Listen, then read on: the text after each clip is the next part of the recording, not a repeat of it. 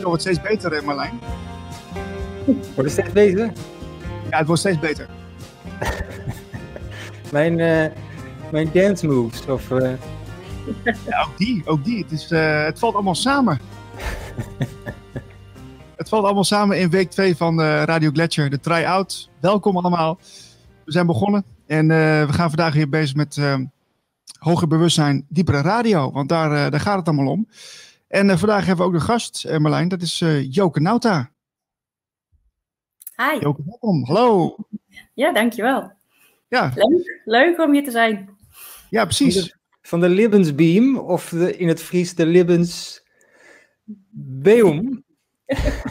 Bijna. de Libensbeum. Uh, goed, ja. We, gaan, we, gaan, uh, we gaan zo meteen uitgebreid met je in gesprek. Um, ja, nou, iedereen uh, welkom. Ja, Marlijn, ik wil even met jou beginnen. Oh. Uh, want uh, we hebben natuurlijk wat, wat, dingen voorbereid, neem ik aan. We hebben natuurlijk de, de, gebruikelijke items, de UFO's en de graancirkels. Die gaan we even behandelen. Ja, we hebben een UFO. We hebben een, ja, die UFO, daar kunnen we dan op intunen. Van hè, wat voelen we erbij? Wat is het voor vorm en al die dingen. Um, tenminste, de graancirkel. En de, en de UFO, dat is een melding uit het land. Dus uh, iedereen die daar in de buurt, veel, veel uh, in de Zuid-Holland heb ik gezien. Oh, oké, okay, oké. Okay. Na, na, een week ga je dat zien. hey, veel Zuid-Holland. Um, maar het kan van alles zijn. Hè? Het kan een bovenleiding zijn die uh, gemeten wordt met een of ander licht. ja, dat, je weet het nooit. Ja, je weet het nooit. En nou, nog heel veel andere dingen. Allemaal dingen die we ook hebben laten liggen de afgelopen week. Um, er is iets over olifanten. Er oh. is iets over nou ja, de, de grote verandering die nu gaande is. Um, Stonehenge kunnen we misschien nog doen, maar uh, ja, ja nou ja, te veel om op te noemen. Ja, John Butler wil ik het zo meteen even over hebben. Dat is een heel bijzonder fenomeen. En voor de mensen die nu kijken, uh, ja, uh, meld je aan bij Radio Gletscher. Als jij denkt van ik kan een leuke bijdrage leveren aan dit, uh, aan dit concept. we, gaan we werken toe naar een radiostation. We zitten in een try-out fase tot, tot september. En als je denkt van nou, ik kan een mooie bijdrage leveren middels een programma of andere input. ga naar info.radiogletscher.nl en mail ons even. En abonneer even op het kanaal, want we zitten inmiddels aan de 100 volgers volgens mij. Of 100 abonnees noemen ze dat. En uh, het mag groeien, dus uh, voel je vrij om dat te doen. En ehm, ja, deel het zoveel mogelijk. Um, ja, we hebben een gast, dat is Joke Nauta. En Joke, je bent spiritueel coach. Ja, ik weet nooit precies hoe ik mezelf moet noemen eigenlijk, want ik doe zoveel. Maar um, ik hou me eigenlijk bezig met alles over het leven, de liefde en de dood. En eigenlijk is dat een heel breed concept natuurlijk. Uh, in alles zie ik altijd de lemniscaat terug, zo liggende acht. Dus voor mij is het ook echt het leven, de liefde ertussenin als verbinding en, en de dood. Maar die lemniscaat staat voor mij ook voor de vorige levens, het nu en nou ja, de volgende levens die gaan komen. Dus op een andere manier eigenlijk ook naar de dood kijken, waardoor je automatisch op een andere manier naar het leven kunt gaan kijken. Ja, ik heb je natuurlijk een beetje uh, onderzocht uh, op het internet. Dat kan natuurlijk bij iedereen uh, tegenwoordig. Ja. je hebt, voordat je met dit avontuur begon, was je eerst gewoon ergens aan het werken. want ik ben heel benieuwd van waar, waar, is het voor jou begonnen dat je die stap maakte naar, naar, naar deze, ja, deze, deze coach? Ja, um, ik heb inderdaad hiervoor in de makelaardij gewerkt. Als directiesecretaris, als commercieel medewerker. nou ja, van alles. Uh, maar eigenlijk ben ik vanaf jongs af aan al opgegroeid met, um, ja, met alles waar ik nu mee bezig ben. Mijn ouders um, hebben me al meegegeven dat we hier niet voor het eerst zijn, dat we hiervoor hebben geleefd, dat we hierna nog verder leven. Uh, ze hebben me bijgebracht dat ik altijd engelen kan vragen voor hulp.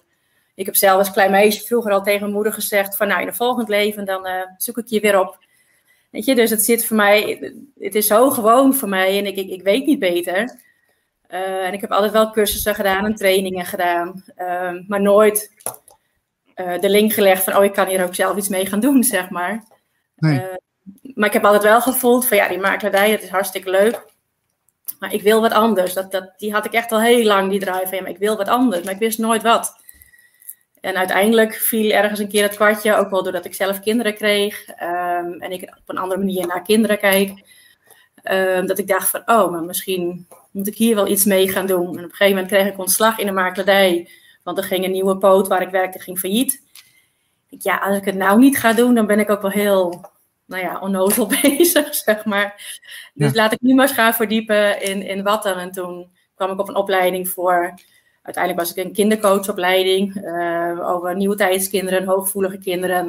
Ik had natuurlijk net mijn eigen kinderen, waar ik ook wel dingen bij zag. En langzaam is het zo gegroeid. Ja. Maar ik, ik, weet niet beter dan dat er veel meer is tussen hemel en aarde, zeg maar. Dat, dat, ja. Dus vanaf dag één eigenlijk bij mij, zeg maar, erin, uh, zit dat erin. Ja. Als nuchtere zin. Ja, ja, ja, maar dat kan. ja, en, en wat ik ook wel echt wel als, als missie bijna heb, is dat ik het gewoon heel simpel wil houden en heel nuchter. Het hoeft allemaal niet zo ingewikkeld, die spiritualiteit. En het is niet eng. En het, het weet je, het, het, mag gewoon heel, heel simpel gewoon in het dagelijks leven. Ehm, ja, kun je dat gaan doen. Weet je, je hoeft niet allemaal regeltjes te bedenken of, of Weet je, ik las wel eens ergens over allemaal gradaties. Uh, bij engelen bijvoorbeeld, dat je helemaal specifiek die en die engel moet aanvragen. Of uh, nieuwe tijdskinderen natuurlijk allemaal speciale hè, soorten nieuwe tijdskinderen. En ik denk van ja, weet je als, je, als je hulp wilt, nou roep maar gewoon naar boven en het komt wel, zeg maar. En uiteindelijk mag je elk kind bekijken wie die is en wat hij nodig heeft. En anders houdt het je soms tegen om die hulp te vragen. Of weet je, dat, dat is dan zo zonde. Dus doe maar gewoon en, en dan komt het wel. Maakt, maken we spiritualiteit uh, te spannend? Ja, volgens mij wel. Ja. En daardoor wordt het uh, voor sommigen heel um, eng bijna. Weet je, als ik vertel wat ik aan het doen ben, dan, wow, dan schrikken ze bijna van, oeh, help, weet je. Terwijl ik denk, ja, maar het is gewoon wie we zijn. En, en weet je, wie we allemaal zijn natuurlijk. We komen allemaal uit, het, uit dezelfde oorsprong. Uh, dus uiteindelijk hebben we dat allemaal in ons. Dus hoezo moet het zo ingewikkeld? Ik, ja, en dat zal het nuchtere zijn hoor, die, die, die, hè, mijn Friese roots. Maar mm -hmm. volgens mij mag dat ook wel. Ja. ja. Ja, ja ik, merk, ik heb zelf altijd wel uh, dat, ik het, dat ik een beetje meer worstel uh, van uh, hoe je dat aan mensen uitlegt. Hè? Ik heb dat, je, dat je ermee bezig bent of dat je ervoor open staat.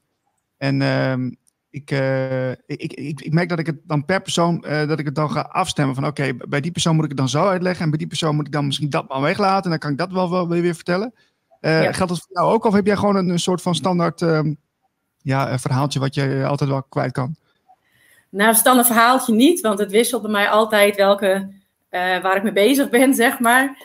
Um, en natuurlijk voel ik inderdaad, wat jij ook zegt, wel aan. Bij die een kan ik meer zelfs bij de ander.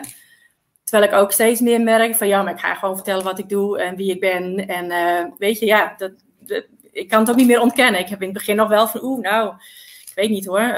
Um, ik verstop me nog een beetje, zeg maar. Mm -hmm. En dat is nu steeds meer van, ja, maar ja, dit is wie ik ben. En... Um, ja, als je er niks mee hebt, is het ook prima. Weet je, dat, dat hoeft natuurlijk niet. Maar ik ga het ook niet meer ontkennen of zo uh, dat het er is. Nee. En juist door het gewoon maar te gaan vertellen, uh, krijg je natuurlijk wel weer hele leuke gesprekken. Maar je, maar je, je, bent, je bent helder voelend en je bent helder wetend. En kun je uitleggen wat dat, ja, wat dat is? Of, of hoe je dat gebruikt? Ja, Um, ik weet zelf soms ook nooit precies hoe het werkt bij mij. Ik zeg altijd van ja, ik doe maar gewoon wat. Um, ik voel gewoon heel veel, ik weet heel veel. En dat is gewoon vanuit binnenuit, zeg maar. Ik zie niet heel duidelijk beelden. Soms ook wel, dat, dat wordt ook wel meer nu. Ik werk bijvoorbeeld heel veel ook aan de hand van foto's. Dat ik gewoon aan de hand van een foto contact kan maken met de nou ja, ziel die op die foto staat. Of die nou leeft of overleden is. Die ziel is natuurlijk ja, die leeft altijd, dus dat maakt niet uit. Um, dus zo kan ik contact maken en dat doe ik op dit moment heel veel.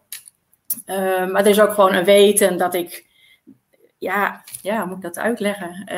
Um, alsof het omhoog plopt, zeg maar. Weet je, ik, ik werk ook met uh, opstellingen, systemisch werk.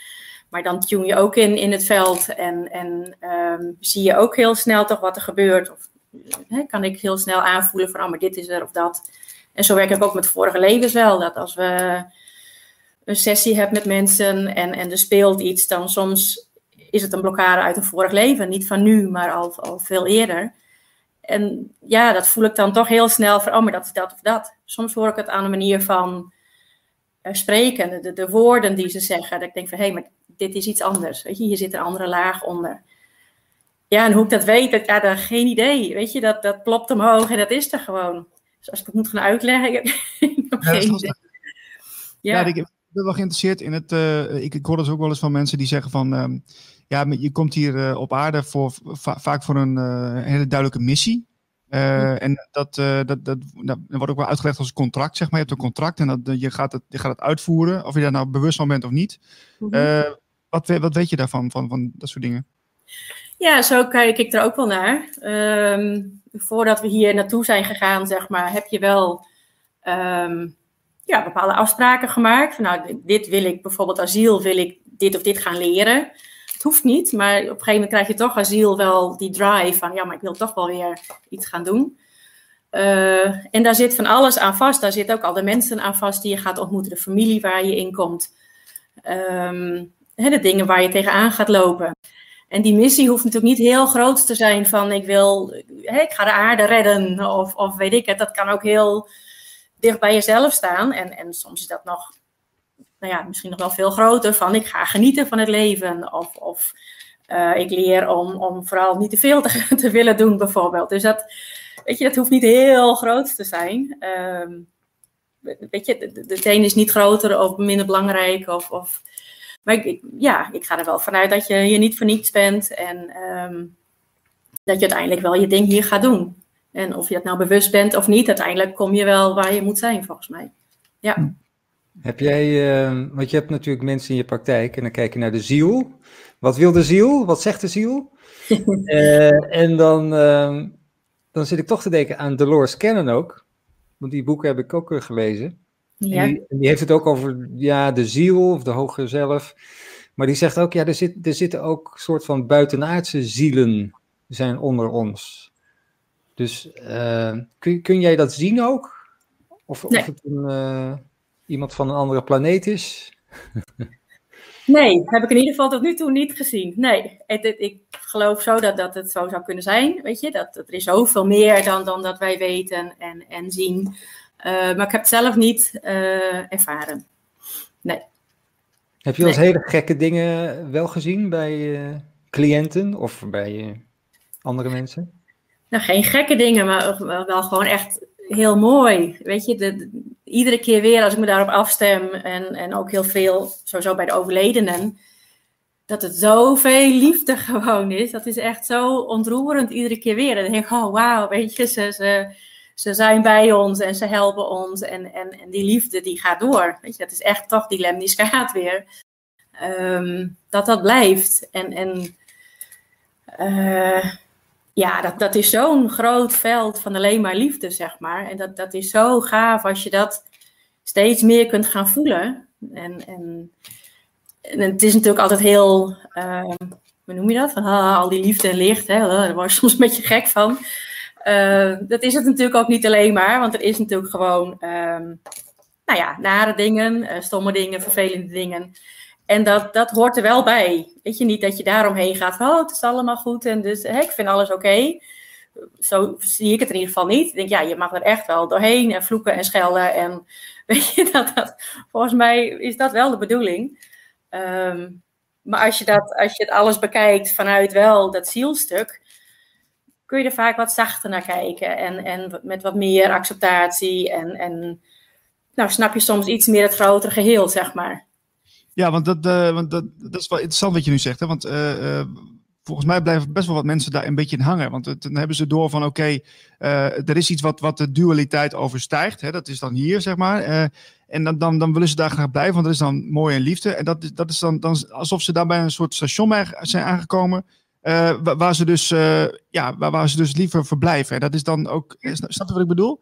Ja. Dat, is eigenlijk, dat, is, dat, is, dat is eigenlijk wel uh, mooi, maar het, is ook, het kan ook wel weer heel erg ervoor zorgen dat je, da, de, dat je mm, ja, de rest niet meer overziet of zo. Nee, nee, dat is volgens mij die spirituele bypass, wat ze dan zeggen. En volgens mij is dat toch, um, nou ja, in mijn beleving niet helemaal de bedoeling. Want uiteindelijk als je steeds daar naartoe wil, ehm, ja, dan ga je toch echt zweven. En, en vandaar die levensboom voor mij ook als, als symbool. Eh, we mogen het wel hier doen. Weet je, we zijn niet voor niks op aarde. Natuurlijk zijn we die ziel.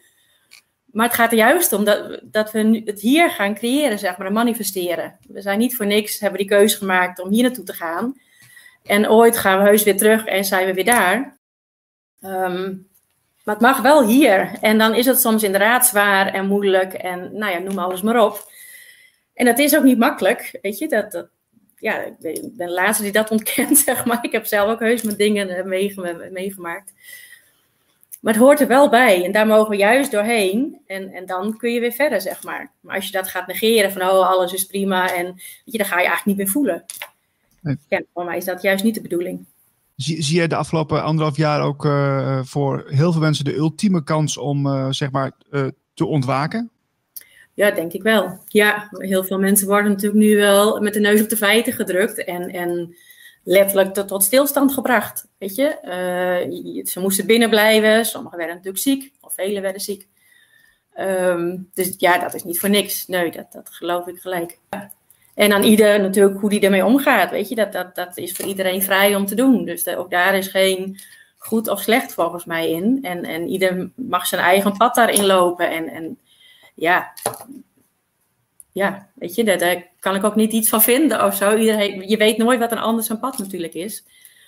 Maar het, er gebeurt heel veel. En je merkt ook wel bij mensen dat er wel uh, dingen in beweging komen. Ja. Ja, ja. En als je er zo naar kijkt, is het alleen maar mooi weer. Tuurlijk, tuurlijk, ja.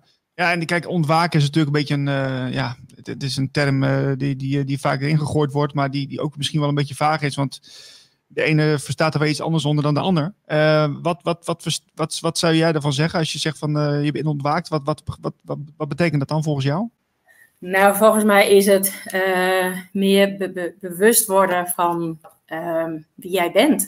Dat je iets meer het grotere geheel kunt zien, kunt voelen. Um, wat ik ook zelf ook nog steeds weer merk, dat ik heel veel dingen natuurlijk al weet. En ik heb heel veel gelezen. En ik heb natuurlijk ook al veel meegemaakt met klanten en met mezelf. Um, maar dan mag je het nog gaan voelen en gaan, gaan neerzetten, zeg maar. Weet je, je kunt het vanuit je hoofd allemaal weten en boekenwijsheid, zeg maar. Uh, maar nu komt het zover dat we het ook echt mogen gaan uitdragen en neer gaan zetten. En, en de ene is daar uh, nou ja, verder in dan de ander, maar dat maakt natuurlijk helemaal niet uit. Maar voor mij is het een stukje bewustwording dat mensen langzaam uh, nou, gaan merken van hé, hey, misschien is er wel iets meer. Of ben ik meer dan alleen maar dit lichaam? Of, of zit er toch een reden achter, zeg maar? Want ja, als dat er niet is, wat dan? Weet je, eh, dat. Ja. Dus ik denk dat, dat, ja, ontwaken vind ik ook altijd een beetje een, uh, ja, of verlicht, weet je, maar zo, uh, nou ja, halleluja termen of zo. ja, iedereen heeft gewoon zijn pad en, en, en zijn eigen tempo en, en ja, dat is oké, zeg maar. Hoe kijk jij aan tegen dat hele verhaal van de 3D en de 5D, waar we nu uh, naartoe gaan? Um, nou ja, ik, natuurlijk zie ik dat er van alles verandert en dat we langzaam veel meer vanuit het hoofd naar het hart gaan, zeg maar. Dat we meer gaan voelen, dat we meer open gaan staan, dat we nou ja, meer met elkaar gaan doen, zeg maar. Um, ik heb zelf nooit iets met, met termen en hokjes en, en voor sommigen stoot het ook af, denk ik. 3D of 5D, wat is dat dan? Um, maar die beweging snap ik wel en weet ik ook dat, dat, dat die gaande is, zeg maar. Um, maar ik, ik, ja, ik heb zelf nooit veel met alle bewoordingen of zo. Maar dat is meer mijn, mijn stuk ook weer natuurlijk. Heb je, heb je mensen die je volgt? Die, uh, zeg maar, spirituele teachers of... Uh... Um, Jawel, ja, ja zeker. Um, ja, dat is heel wisselend. Um, wat ik gewoon vanuit, vanuit vroeger, vanuit thuis al heb meegekregen, is Hans Stolp. Ik weet niet of je Hans Stolp kent. Ja, ja ik ken de naam. Ja, nou ja, die heeft hele mooie boeken geschreven over, over, nou ja, over de dood en het overlijden en waarvoor we hier zijn.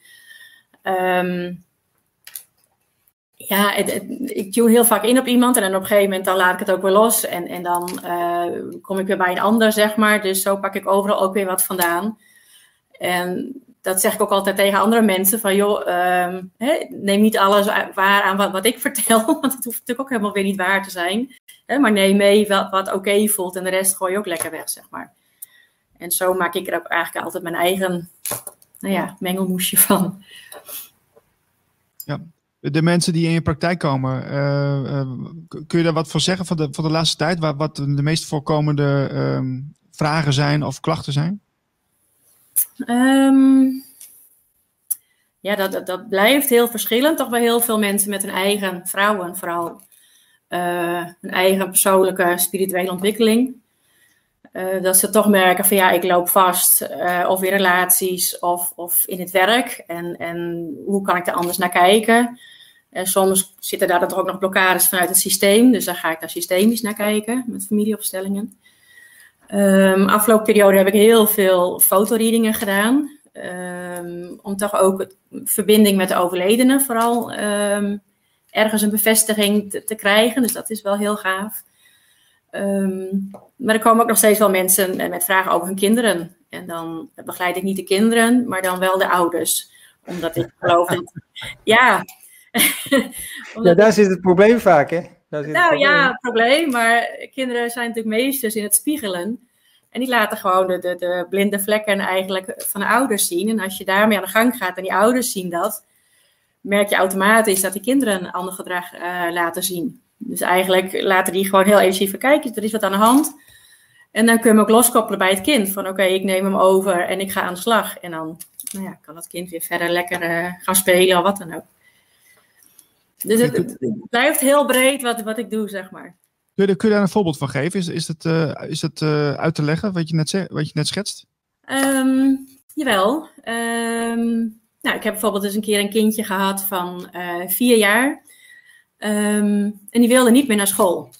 Hè, en natuurlijk zijn kinderen van vier die willen misschien soms nog niet naar school. Hè, dat is natuurlijk nog die overgang. Maar dit kindje bleef heel standvastig van ik wil niet naar school en ik wil thuis blijven. Dat was ik. Dat was ik. Je? Dat was ik. Ik was dat. Ik was dat. Ah, nou. Ja. Leuk. Ja, leuk, leuk, leuk. Ga verder. Echt gebeurd.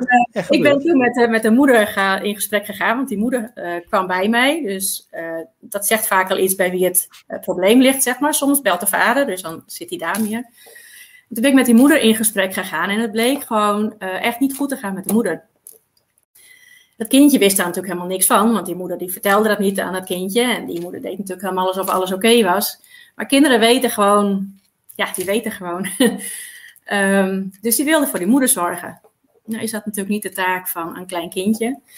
Um, dus die moeder zag dat en die is ermee aan de gang gegaan. Um, en wat ik ook altijd zeg is: van, ga eens een keer dan s'nachts bij je kind zitten of als hij slaapt. En ga daar gewoon eens in gesprek, of telepathisch, of zachtjes, weet ik het. Van, hè, dankjewel dat je het me hebt laten zien.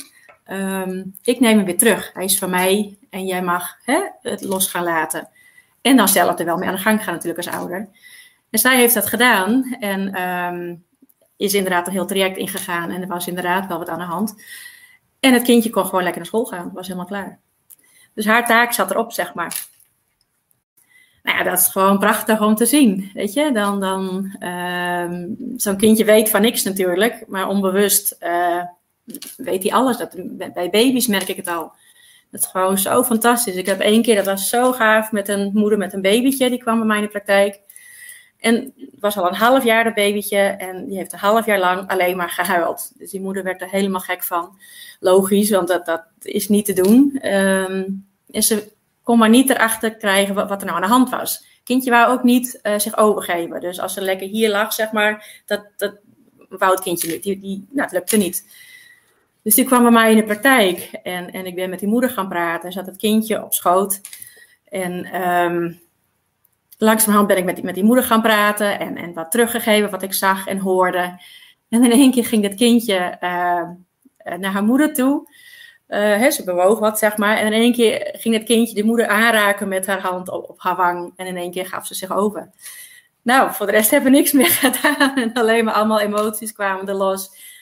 En ik had bij die moeder verteld wat, er, wat ik zag en wat er speelde. Mhm. En die baby voelde dat en, en die verbinding werd gemaakt. En de rest van het half uur of zo uh, hebben we niks meer gedaan. En gewoon heerlijk gezeten met dat kindje. En het was goed. Wauw. Daarna is het ook alleen maar goed gegaan, zeg maar. Dus ergens gebeurde er iets. En in mijn beleving heb ik niet eens zo heel veel gedaan, zeg maar. En ik heb gewoon teruggegeven wat ik zag en hoorde bij die moeder. En ergens viel daar het kwartje. En die baby voelde dat en kon zich overgeven. Nou, dat was zo bijzonder. Ja. Wauw. Ja, dus dat, eigenlijk, eigenlijk ben je een soort, een soort connectie die dan even gemaakt wordt. Ja, ja. Ja, dat is echt heel gaaf om te doen. Ja. Ja, en iedere keer ben ik dan weer zo ontroerd. En, en weer die liefde die je dan voelt, weet je. Dat, het is zo bijzonder. En ja, dan ben ik alleen maar heel stil en wauw. ja. Is dat dan energie die, uh, die vastzit ergens of zo? Waardoor het uh, stokt ergens en uh, dat laat je los en dan kan het stromen of zo? Moet ik het ik denk het. Hè? Zij had natuurlijk allemaal overtuigingen en gedachten in haar hoofd zitten, die moeder. Over hoe het moest zijn en wie zij was of wie ze vooral niet was. En wat ze wel moest zijn. Of weet je, al dat soort dingen. En, en al pratende uh, gebeurde er iets, landde daar iets. En, en kon ze zich in één keer overgeven. Waardoor het kindje zich ook kon overgeven, zeg maar. Ja, en soms is het gewoon heel simpel, weet je. Het, uh, maar ja, het lijkt dan heel simpel. Ze was natuurlijk al half jaar bezig. Maar ja, we hebben natuurlijk ook hele hoge eisen stellen we aan onszelf en als ouders. En, en ja, dat, dat is soms zo zonde. Dat, dat blokkeert soms juist de verbinding die je zo graag wilt hebben, zeg maar. En je bent al de allerbeste, liefste ouder, want weet je, anders waren ze niet bij jou geweest. Dus ergens is daar natuurlijk sowieso de verbinding en de connectie die, die nodig is. Dus mag je heus ook iets meer lekker gaan ontspannen. Ja, want, uh, want als, je, uh, als zij naar een, naar een, reguliere arts zou gaan of naar een, een, een ja, uh, andere hulpverlening, zeg maar, in het reguliere spectrum, er, daar zou er een andere verklaring voor gegeven worden. Er zou, er zou, een, er zou een andere um, uitkomst zijn. Wat, wat is nou volgens jou dan het verschil van, van de zorg die jij biedt en die we in de reguliere zorg hebben? Ja, los van als er klachten zijn, moet je natuurlijk altijd naar een arts gaan, want dat ben ik niet. um, Maar ik, ik kijk achter, het probleem, zeg maar. Weet je, heel vaak qua opvoedondersteuning gaan ze ook kijken wat er speelt. En dat proberen ze op te lossen. Maar het komt natuurlijk ergens vandaan. Dus ik ga gewoon een laag of twee lagen, of weet ik het, uh, dieper kijken. Van, maar wat, wat, wat gebeurt er echt? Wat speelt er nou echt? Wat, wordt hier, uh, ja, wat laten ze zien, zeg maar. En um, je kunt heel fijn brandjes uh, blussen, zeg maar. Uh, maar dan blijf je aan de gang. Hè? En, en nou ja, zo werk ik niet. Ik wil echt naar de oorsprong kijken van wat, wat, speelt er daadwerkelijk gewoon hier? Of bij het kind of bij de moeder en nou ja, meestal allebei of bij de vader. Waardoor je dus dieper gaat kijken, maar waardoor je het ook uh, definitief oplost, zeg maar. En die brandjes blust aan oppervlakte en een paar weken later of een paar maanden later komt het weer. Ja, ik heb, ik heb ook voorstellen dat, dat als je, als je wat, wat laagjes dieper gaat bij mensen, dat dat, dat, dat uh, pijn doet bij mensen, dat ze dat heel vervelend vinden. Uh, uh, wat nou als ze daar niet aan willen, als ze dat niet willen aangaan? Hoe, wat, wat, wat doe je dan meestal? Nou, de meesten weten wel als ze bij mij komen uh, dat ik er anders naar kijk, zeg maar. en als iemand dat echt niet wil, ja, dan, dan is dat natuurlijk prima, dan kan dat. Um, weet je, dat is ieder zijn eigen keuze natuurlijk. En degenen die bij mij komen, die willen dat eigenlijk wel. En soms is het inderdaad wel even lastig en huilen en komt er verdriet vrij of, of angst. Maar als je dat er gewoon laat zijn, lost dat ook wel weer op, zeg maar. Weet je, de emotie op zich schijnt maar een paar seconden te duren, heb ik ooit eens gelezen. Echt maar drie, vier seconden. Alleen alles wat wij eromheen gaan verzinnen met ons hoofd, maakt dat het heel lang kan duren, zeg maar. Ja, precies. Ja, en, en als je dat gewoon aandurft te gaan, um, ja, dan, dan, dan kom je verder, zeg maar. En als iemand dat echt niet wil, is dat ook oké, okay, weet je. Ja, maar uiteindelijk ben je er bij mij niet aan het goede adres, maar. Want ik, ik wil wel die diepte in. Dus um, omdat ik ook weet hoe het werkt. Ik heb dat zelf ook alleen maar gedaan en nog steeds. Ik denk van, nou, kom erop, weet je. Ik ga wel weer. En dan um, ja, brengt het je ook heel veel. Ja, ja wat, wat ik wel, wat ik wel, um, wel mooi vind om te zien bij jou. Tenminste, dat, ik ken je natuurlijk niet zo, niet zo goed, maar dat, dat, dat is even een korte observatie. Want je zegt eigenlijk was, was het, het bewustzijn bij mij altijd al. Ik, was altijd, ik wist altijd al dat het meer was, er werd, werd over gesproken. En het voelt voor mij een beetje als een soort, dat je een soort, uh, dat bewustzijn bij je altijd al heel hoog was en dat je een soort open kanaal bent, waar, waar, waar je gewoon heel veel informatie uh, uit kan halen uh, als je je afstemt. En dat ja. is, eigenlijk is het gewoon hartstikke, het, het, het, het lijkt zo simpel. ja, ja, volgens mij is het dat ook. en, en, en tegelijk ook niet hoor. Ik, ik heb zelf ook heus dat ik tegen dingen aanloop en, en uh, ik heb ook mijn eigen twijfels en onzekerheden. En, en ik roep al zeven jaar lang dat ik een boek ga schrijven. Nou, dan weet je een beetje hoe het bij mij werkt. Um, weet je, dat is er nog steeds niet. Dus natuurlijk heb ik ook mijn dingen. Weet je, dat, dat nou ja, weet ik als geen ander ook. Um, maar eigenlijk is het gewoon echt heel simpel. Ja, volgens mij wel. En, en mag het veel lichter en luchtiger en speelser dan, dan dat wij soms nu doen. Weet je, soms wordt het zo zwaar gemaakt en, en serieus. En ja, in mijn beleving hoeft dat gewoon echt niet. Nee. nee. Niels, voilà. ik moet even inbreken. Ja, ja. Ik heb een, uh, ik heb een bericht op uh, nos.nl. Meen je niet? Ja, uh, ze zijn weer bezig. Ja, ik had al zo vermoeden. Ja, die, die vier jochies, die opgeschoten jeugd, die, die is weer bezig geweest vannacht. Jongen, jongen, jongen. We hebben, we hebben er weer één. Ja. Ik zal hem even en, laten zien. Is hij mooi of is hij niet mooi? Nou ja, ja ze, leveren, ze, ze, ze staan vroeg op, dus uh, ze leveren wel vakwerk wat dat betreft. dus uh, kijk, dit, uh, dit hebben ze met hun kruiwagentjes weer lopen doen hoor. Ja, ja, ja, ja, ja, ja. dit is in Hampshire, hadden we, hadden we vorige week vrijdag ook. Of nabij in Hampshire, maar ergens in die buurt. En uh, ja, moet je kijken. Mm. Wauw, een grote ster. Ja, mooi. En strak ook. Hm. Even kijken naar, uh, kijk. Jeet. Ja, die zijn wel heel vroeg opgestaan, Marlijn. Ja, nee, die staat vroeg op. Nee, het wekkertje gaat, uh, gaat uh, vier uur, is het niet half vier. Dus...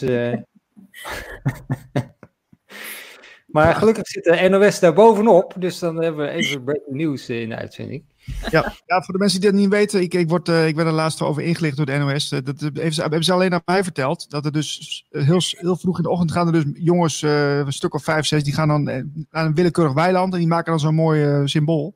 Moet je verder niet doorvertellen. Heb je niet van mij hoor, maar dat is, dat is even onder ons in de, in de kantine. Maar dat gebeurt, het gebeurt, ja. Ja, nee, Engeland, Duitsland, over de hele wereld eigenlijk. Zijn Dit is in Zuid-Engeland, hè, of niet? Oh, dat moet je mij niet vragen. Hampshire, waar ligt dat? Weet ik ook niet. Ah, Oké, okay. nou, we kunnen het even snel eh, checken, misschien. Ik zal het even checken. Ja, ja. Heb je wel eens een graafjeukel gezien, uh, uh, Joke? Nee, niet in het echt. Nee. Nee, het heeft wel iets magisch natuurlijk altijd, hè. En uh, ja, ik vind het wel interessant. Maar ik heb er nog nooit eentje zelf gezien. Zuidoost-Engeland is het. Toch, toch. Oké. Okay. Ja. Oké, okay, nou, dat is, dat is, een van de vaste dingen die wij doen. Um, zullen we even een nieuwsfeitje erbij pakken, wat we vanuit een hoger uh, perspectief kunnen benaderen met z'n drieën? Uh, wat is jouw laatste nieuws, uh, Marlijn? Of bericht wat je wilt delen? Mijn laatste nieuws. Um, nou, dit, dit, wat, dit stond op de tijdlijn van, van Joke, dus dat vond ik wel heel mooi. Misschien kan ze daar ook iets over zeggen. Want. Uh... Dat er komt. nou, je hebt het zelf gedeeld. Je hebt het zelf gedeeld. Ja, ja nee, ik ben benieuwd wat dat is. uh, en er is ook een podcast van. Ik moet hem even voorzetten. Van de BBC. Dat ging uh, hierover. Over de olifanten. A herd of elephants marched 12 hours to the house of Lawrence Anthony after he died, the man who saved them. They stayed there silent for two days. Exactly one year after his death, to the day, the herd marched to his house again. Scientists cannot explain this act. Wow. Ja, wauw. Ja. En er is een hele podcast over uh, van, van, de, ja, van de BBC. Dat duurt een uurtje, geloof ik, uh, duurt het met allemaal, nou ja, over deze olifanten. Um, en dit, uh, ja, dit, dit zijn mooie dingen, toch? Ja, daar word je alleen maar heel stil van, volgens mij. En dan zie je zo dat het gewoon allemaal op zielsniveau ergens is, weet je. Dan, dan ook die dieren en, en die connectie en ja, wauw. Uh, ja. Maar, doe, maar doe jij iets met dieren? Kun je daar ook iets in zien? Of een uh, contact, ma contact maken met de ziel? Uh, doe ik niet. Nee, ik denk wel dat het kan. Je hebt ook geen huisdieren? Ja, ik heb wel een kat en daar praat ik altijd enorm mee. Ze miauwt heel keurig maar um, nee, daar, daar doe ik voor de rest niks mee. Nee. Okay. Nee, ik, maar ik... we hebben altijd katten gehad thuis. En uh, dan denk ik altijd van, waar kijkt die nou naar? Waar ja. kijkt nou naar? Ja, ja, ja de, de, van mij zien ze en voelen ze heel veel. Onze kat ging ook altijd, onze vorige kat, uh, als je ziek was, dan kwam ze ook bij je liggen, op de deken liggen. Weet je, is wat zo lief. Maar voor mij zien ze inderdaad ook wel meer. En net als, ik, ik heb vroeger inderdaad een foto in het fotoalbum van mijn kinderen. Die keken dan ook helemaal uh, extatisch, of noem je dat, naar een witte muur. Ik denk, nou, geen idee. Okay. Maar die zagen ook van alles, denk ik. Ja. Maar dieren dus net zo goed. Ja. Ja, want ik heb wel eens gehoord dat, dat, um, uh, dat de ziel van, van dieren, die, die opereren vaak in groepen. Uh, en en, en ja, dat, dat schijnt bij de mens anders te zitten. Wat, wat weet jij daarvan? Uh, nou, hoe het bij dieren zit, weet ik eigenlijk niet. Daar heb ik me niet, uh, niet zodanig in verdiept. Uh, ik geloof wel dat wij als nou, mensen, zeg maar, als ziel, wel bij een bepaalde zielenfamilie opereren. En dat je die ook wel weer tegenkomt hier op aarde, zeg maar. Maar ik geloof ook wel dat dat, dat weet je, niks staat vast volgens mij. Dus um, ja, weet je, soms lees ik in één keer na twee jaar lees ik iets en denk, oh ja, hey, dat, dat, ja, dat, alles is in beweging natuurlijk. Maar ik geloof wel dat we wel een, een, ja, een soort zielenfamilie hebben, zeg maar. Maar als het nou helemaal vast staat, dat geloof ik ook weer niet. Nee, nee. Oké. Mag ik een hele 3D-vraag stellen? ja hoor. Want je hebt in het, uh, laten we zeggen, de reguliere circuit heb je, nou ja, doktoren en uh, psychologen en uh, noem maar op. Die moeten zich altijd, die moeten bijlezen, hè? die moeten zich inlezen met de nieuwe informatie en al, die moeten gewoon hun kennis bijhouden de hele tijd. Geldt dat voor jou ook? Ja, vind ik wel. Um, ik heb wel een tijdje bij een beroepsvereniging gezeten van de kindercoaches. Uh, dus daar deden we ook gewoon af en toe extra trainingen en, en hè, van die terugkomdagen. Um, daar zit ik nou niet meer bij, maar ik, ik vind wel dat ik dat zelf ook moet doen, zeg maar, om bij te blijven. Maar um, vooral omdat ik het gewoon zelf ook heel graag wil. dus uiteindelijk moet ik niks, maar blijf ik zo'n spons die gewoon elke keer weer dingen, nieuwe dingen ziet en wil leren. En, en ja, weet je, die bewustwording wordt steeds alleen maar groter volgens mij. Um, dus vind ik dat ook gewoon fijn om daar steeds mee bezig te zijn. Ja. Maar, het is niet, maar het is niet zo, want ze zeggen ja, er is zo'n zo'n veld waar alle informatie uh, in zit. En daar, daar prik ik gewoon even in en dan, dan komt het allemaal tot mij. Dus ik heb eigenlijk niemand anders nodig. Ik heb geen uh, nee, nou ja, nodig. Of, uh, uiteindelijk is dat denk ik. Ja, uiteindelijk is dat natuurlijk zo. Alleen um, is het wel belangrijk dat je dus wel um, die rust gaat vinden, die stilte opzoekt en, en kunt afstemmen, zeg maar. En soms is het daar wel eens fijn dat je daarbij wat begeleiding hebt. En zo komen klanten bij mij, maar zo ga ik ook wel weer eens naar iemand toe van, oh joh, help me weer eventjes uh, opnieuw te kijken of in te loggen of weer een verdieping lager te gaan of zo, weet je. Soms is het fijn dat iemand even meekijkt en je begeleidt daarin. Maar uiteindelijk zit natuurlijk alles in ons, dat klopt. Ja, Alleen is het hè, van hoe kom ik daar? Uh, wat is precies de ingang? En, en ja, kan ik daar weer verder in, in verdiepen? Alright. Um, ik heb uh, aan het begin van de uitzending gezegd van dat ik iets van John Butler had. Hè? Uh, zou je de, dat fragmentje willen opzoeken, uh, Marlijn? Want ik heb een leuk fragment van een YouTube-hit. Oh. Ja, je kunt met, als je ja, je kunt hem op YouTube wel vinden. John Butler, uh, man van 84. En dat is wel grappig. Hij is uh, onverwachts is hij een YouTube-hit YouTube -hit geworden met zijn rustgevende stem. Is een uh, voormalig boer en vroeger voorvechter van biologische landbouw in Derbyshire. En hij doet al zijn hele leven aan meditatie. En begon een paar jaar geleden met het opnemen van inspirerende boodschappen in de hoop zijn levenslessen door te kunnen geven aan anderen. En dat is wel leuk natuurlijk. Ja, hier heb je natuurlijk, uh, 84 jaar. Uh, tijdens de pandemie werd hij hiermee onverwachts een YouTube-hit. En vergeleken met Bob Ross, de Amerikaanse schilder en cultheld. En misschien ik vind het heel grappig toen ik, uh, toen ik het vanmorgen zag. Dat ik van ja, dat is wel fantastisch. Dat je, dat je op latere leeftijd nog, uh, nog doorbreekt. En uh, nou ja, ze, hij, hij, hij schijnt een stem te hebben als een warm glas melk. Dus dat is wel. Zo werd het omschreven. Dus dat, dan moeten we natuurlijk wel even naar luisteren, lijkt me. Uh, nou, we zitten natuurlijk met YouTube en, uh, en alles. Dus uh, ik weet niet of dit. dus we houden het kort, maar we kunnen wel even luisteren. Always listening to loud music. You go out from there, probably in a winter night. You just go out into the street and it's quiet. You probably look up at the sky, maybe there's a star or the moon shining. And you see the contrast. See the noise and the sort of clutteredness of one and the freedom of the other. This always made a huge impact on me. I sort of instinctively felt better. Mm-hmm. And similarly, when I'd come up here, ah, oh, silence, space, freedom.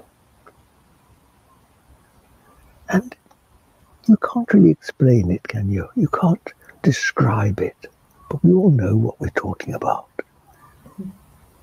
You can't really You can't.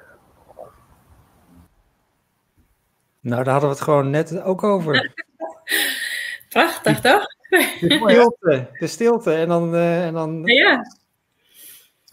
Mooi. Ja, en het is zo dat hij dus uh, op zijn driewieler fietst hij dus door het Britse landschap, wordt gezegd. En uh, vaak met een pet of een hoed op. En ja, altijd zijn grijze getrinde baard en een vrolijke glimlach. Maar hij is dus ook door de, door de BBC opgepikt. Dus hij, uh, hij wordt al aardig bekend. Leuk. Nou, ik vind dat niet het hoogste hoor. Want het wordt nu net gedaan van, oh, het is een, het is een bekendheid nu geworden en dat is, dat is het dan helemaal. Nee. Uh, dat, dat, uh, dat kan ook helemaal fout gaan natuurlijk. Nou, ik, vind dat ik, geef, ik vind dat geen verdiensten. Dat, dat houdt het mij een beetje, een beetje klein en... Uh, dat, hij hoeft niet door te breken of zo. Nou, dat wil hij zelf denk ik ook helemaal niet. Hij doet gewoon nee. wat hij doet en, en dat vindt hij prachtig. En dat het opgepikt wordt door veel is natuurlijk wel mooi.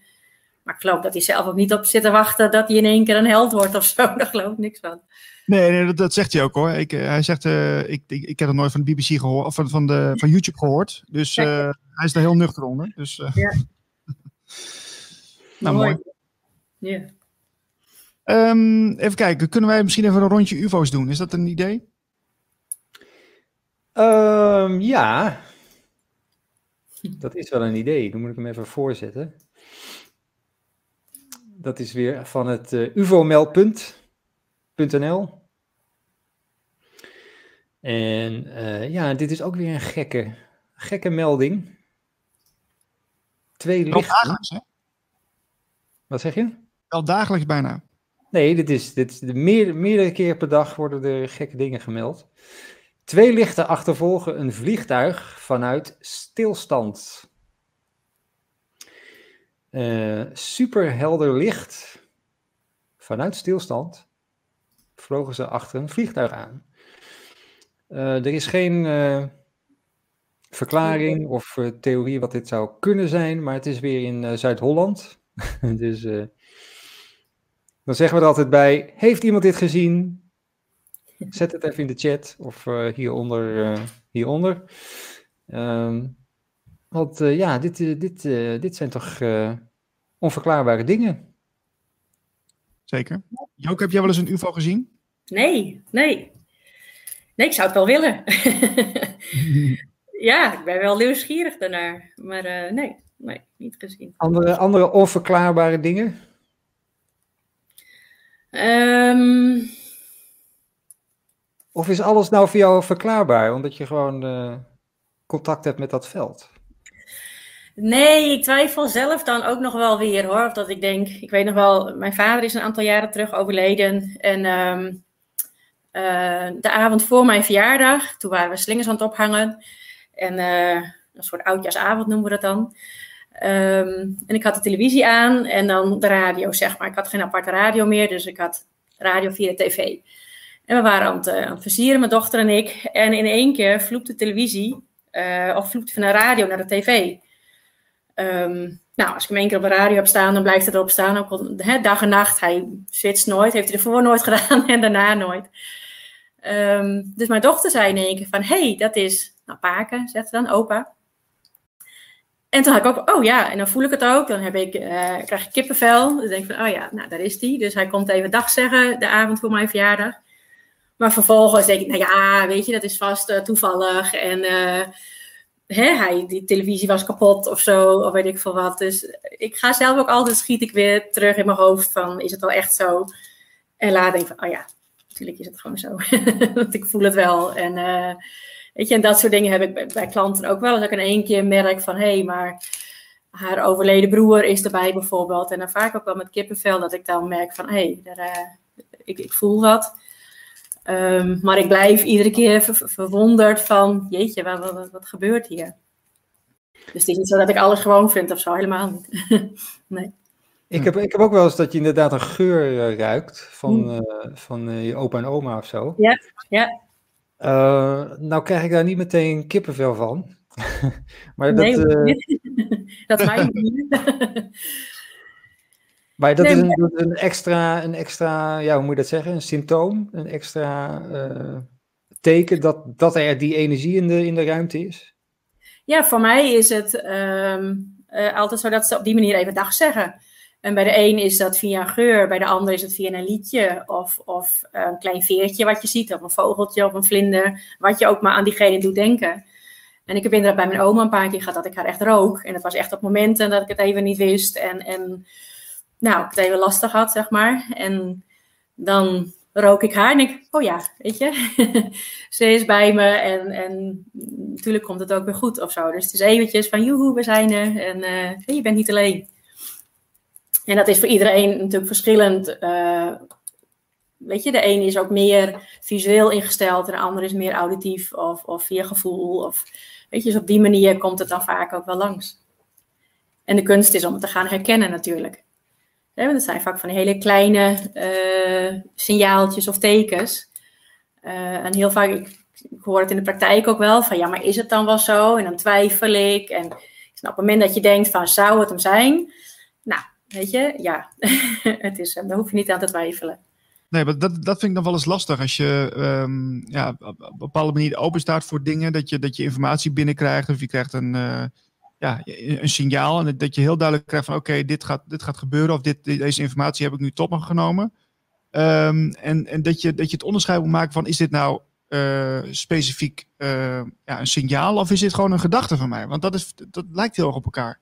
Ja, dat, dat is ook het lastige, denk ik. En dat, dat heb ik zelf ook nog heus wel hoor. Dat ik denk van, oh jeetje, welke is het nu? Um, ja.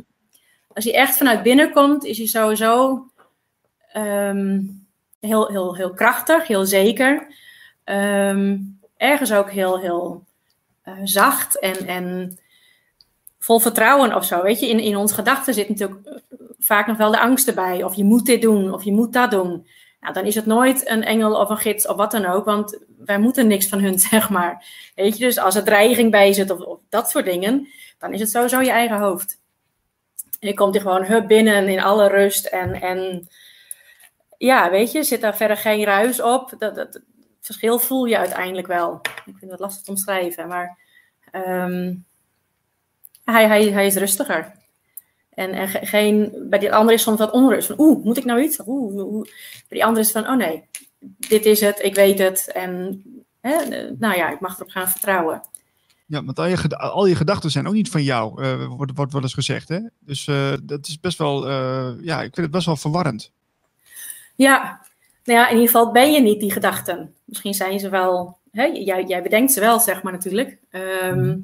je hoofd. Maar je, je bent ze niet, dat, dat is natuurlijk een verschil. Heel vaak hoor ik bij kinderen wel vaak zeggen, of ouders, van uh, jij bent druk. Ik denk, ja, dat is natuurlijk wel een lekker als je dat altijd maar tegen je kind gaat zeggen. Uh, uiteindelijk gaat hij dat dan ook maar doen of zo, want ik ben druk blijkbaar. Ja. Maar dat is natuurlijk niet zo. Je, je, je doet druk, of je voelt je druk, of hè, je, je voelt je bang, of, of je voelt je boos, maar je bent het natuurlijk niet. Je, je zijn is, is, is ja, toch dat, dat liefde en, en dat licht en, en nou ja, jouw ziel. En de rest is wat je voelt of ervaart, of nou ja, daar zit verschil in. En die gedachten die komen ook voorbij. En ja, het liefst laat je die ook lekker voorbij gaan, zeg maar. Wat ze wel zeggen van, nou, er komt een wolkje of zo, weet je, laat hem maar gaan. Ja. Eh, Zolang je er maar niet mee gaat identificeren van, ik ben depressief, ja, dan ga je er echt aan koppelen. Ja, maar dat, dat maakt het dus ook in deze, in de, in de, in deze materie, denk ik, ook zo, uh, zo sterk. Dat als je je dus identificeert met die gedachten en met jouw persoonlijkheid, uh, dat je jezelf dus eigenlijk vastzit in de, in de materie. Waardoor je dus uh, jezelf kwetsbaar maakt, omdat je je. Um, ja, ja, hoe zou ik dat zeggen? Je, je zet jezelf dus neer en je, je, je kunt je niet meer losmaken van, van het concept wat je, wat je zelf gemaakt hebt. En, dat, dat, en dat, dat, ja, daarmee hou je eigenlijk gevangen. Zeg, zeg ik dat, snap je wat ik bedoel? Ja, jawel. En, en dat maakt het tegelijk ook heel lastig om dat los te laten. Van wie, wie blijft er dan over, zeg maar? Wie ben ik dan als ik dat ga loslaten? Van, blijft er dan nog wel iets over, zeg maar? Van ja, maar ik weet wel wie ik ben als ik dit wel vasthoud, zeg maar. Soms ja, is het ook heel veilig, want ja, je weet wie je bent op die manier. Terwijl als je ja. dat loslaat, van ja, eeuw, wat, wat dan, weet je? Dan, dan voelt het bijna zo van ik heb geen houvast meer. Uh, terwijl die houvast eigenlijk ook fake is. En, en, en ja, die klopt natuurlijk ook niet. Maar ik snap wel dat je het, soms is het heel lastig om dat los te laten. Van, ja, dan word je heel kwetsbaar en, en naakt of zo, weet je, voor je gevoel. Want dan daar... kun je juist zien wat eronder zit voor moois. En, en ja, wauw, weet je, dat is alleen maar heel gaaf. Maar dat moet je eerst wel durven, ja. Heb je, daar een, heb je daar een tip voor of een oefening voor? Want ik heb het wel eens dat ik dan uh, s'avonds in bed lig of zo. En dan, dan probeer ik alles los te laten. En dan, en dan heb je een soort, een moment en dan komt er een soort reflex dat je er ja, uit je lichaam zou kunnen. Mm-hmm. Uh, of weer er terug in, ja, inschiet. En dat is een soort, dat moment is een soort ego-dood, denk ik altijd. Van het ego, dat wil dat, dat wil dat niet. Het ego wil in het lichaam blijven, want het is veilig. Uh, dus dan schiet je altijd terug. En dan heel soms, dan gebeurt het dat je soort vrij genoeg bent om, uh, ja, om gewoon alles los te laten. Ja. Ja, wat, volgens mij sowieso iedereen veel, veel, veel meer moet gaan doen, is echt het simpele gronden en aarden. Omdat we dan veel meer bij onszelf blijven. Um, weet je, alle mensen die heel veel in hun hoofd zitten qua uh, ratio, die zijn eigenlijk aan het zweven. In mijn beleving zijn dat juist de zwevers. Terwijl degene die uh, veel meer met, bij, bij op de grond staan, uiteindelijk wordt je verbinding met, met boven, zeg maar, juist veel sterker. Um, dus volgens mij het allerbelangrijkste is toch te blijven gronden en aarden. En ook als je in bed ligt, kan dat, kan dat ook gewoon. Um, en dan en, is het contact maken met uh, het, het binnenste van de aarde, geloof ik. Hè? Dat je helemaal daar een ja. lijntje mee hebt. Ja, en dat kan ook als je um, in bed ligt. Weet je, je hoeft dan niet eens per se met beide benen op de grond te staan. Ik heb ooit wel eens een, een mailtje van iemand gehad van... Ik ben altijd heel goed aan het gronden en aarden. Maar ik ben verhuisd en nu woon ik op tien hoog. Hoe moet ik nu gronden? maar vond het zo mooi. Ik denk, oh ja, natuurlijk. Weet je, voor mij is het, oh ja, je moet gewoon gaan gronden, weet je. Ja, maar hoe dan? Ja, goede vraag eigenlijk. Ja, vond ik zo prachtig. Weet je, want ik, ik stap er heel snel overheen van, oh, dat weet iedereen wel. Maar dat is natuurlijk niet zo. Hè? Je, kunt zelf in een vliegtuig uh, goed geaard zijn, zeg maar. Dus volgens mij is dat de basis waardoor je juist beter bij jezelf kunt blijven. Waardoor je uit die angst ook schiet. En waardoor je veel makkelijker die overgave kunt hebben. En juist vanuit je hoofd is het soms eng om die overgave te doen. Van ja, wat blijft er dan? Dan heb ik geen houvast meer of dan weet ik het niet. En um, ja, terwijl als je gaat zakken, zeg maar, in je lijf, noem ik het altijd maar. Dan is het oké dat je het niet weet of dat je de controle niet hebt. Maar dat niet weten is ook vaak zo eng. Van, wat dan? Ik heb die zelf ook heel vaak wel gehad.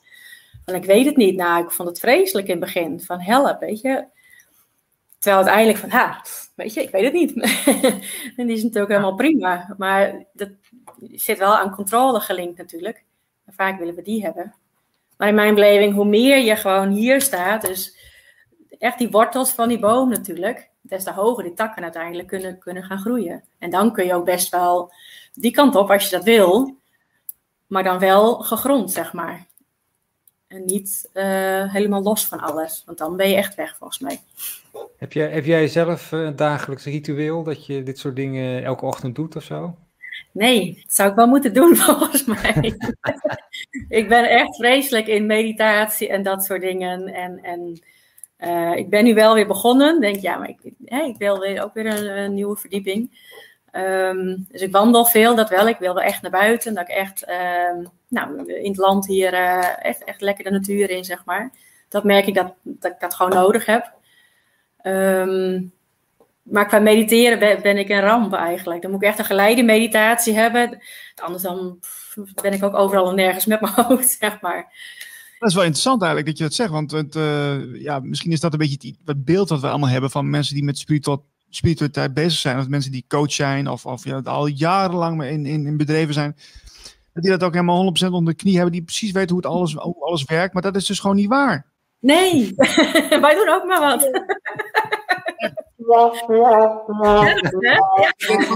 Kan er nou? Jammer. Nou goed. Ja, sorry, sorry, sorry. Nee.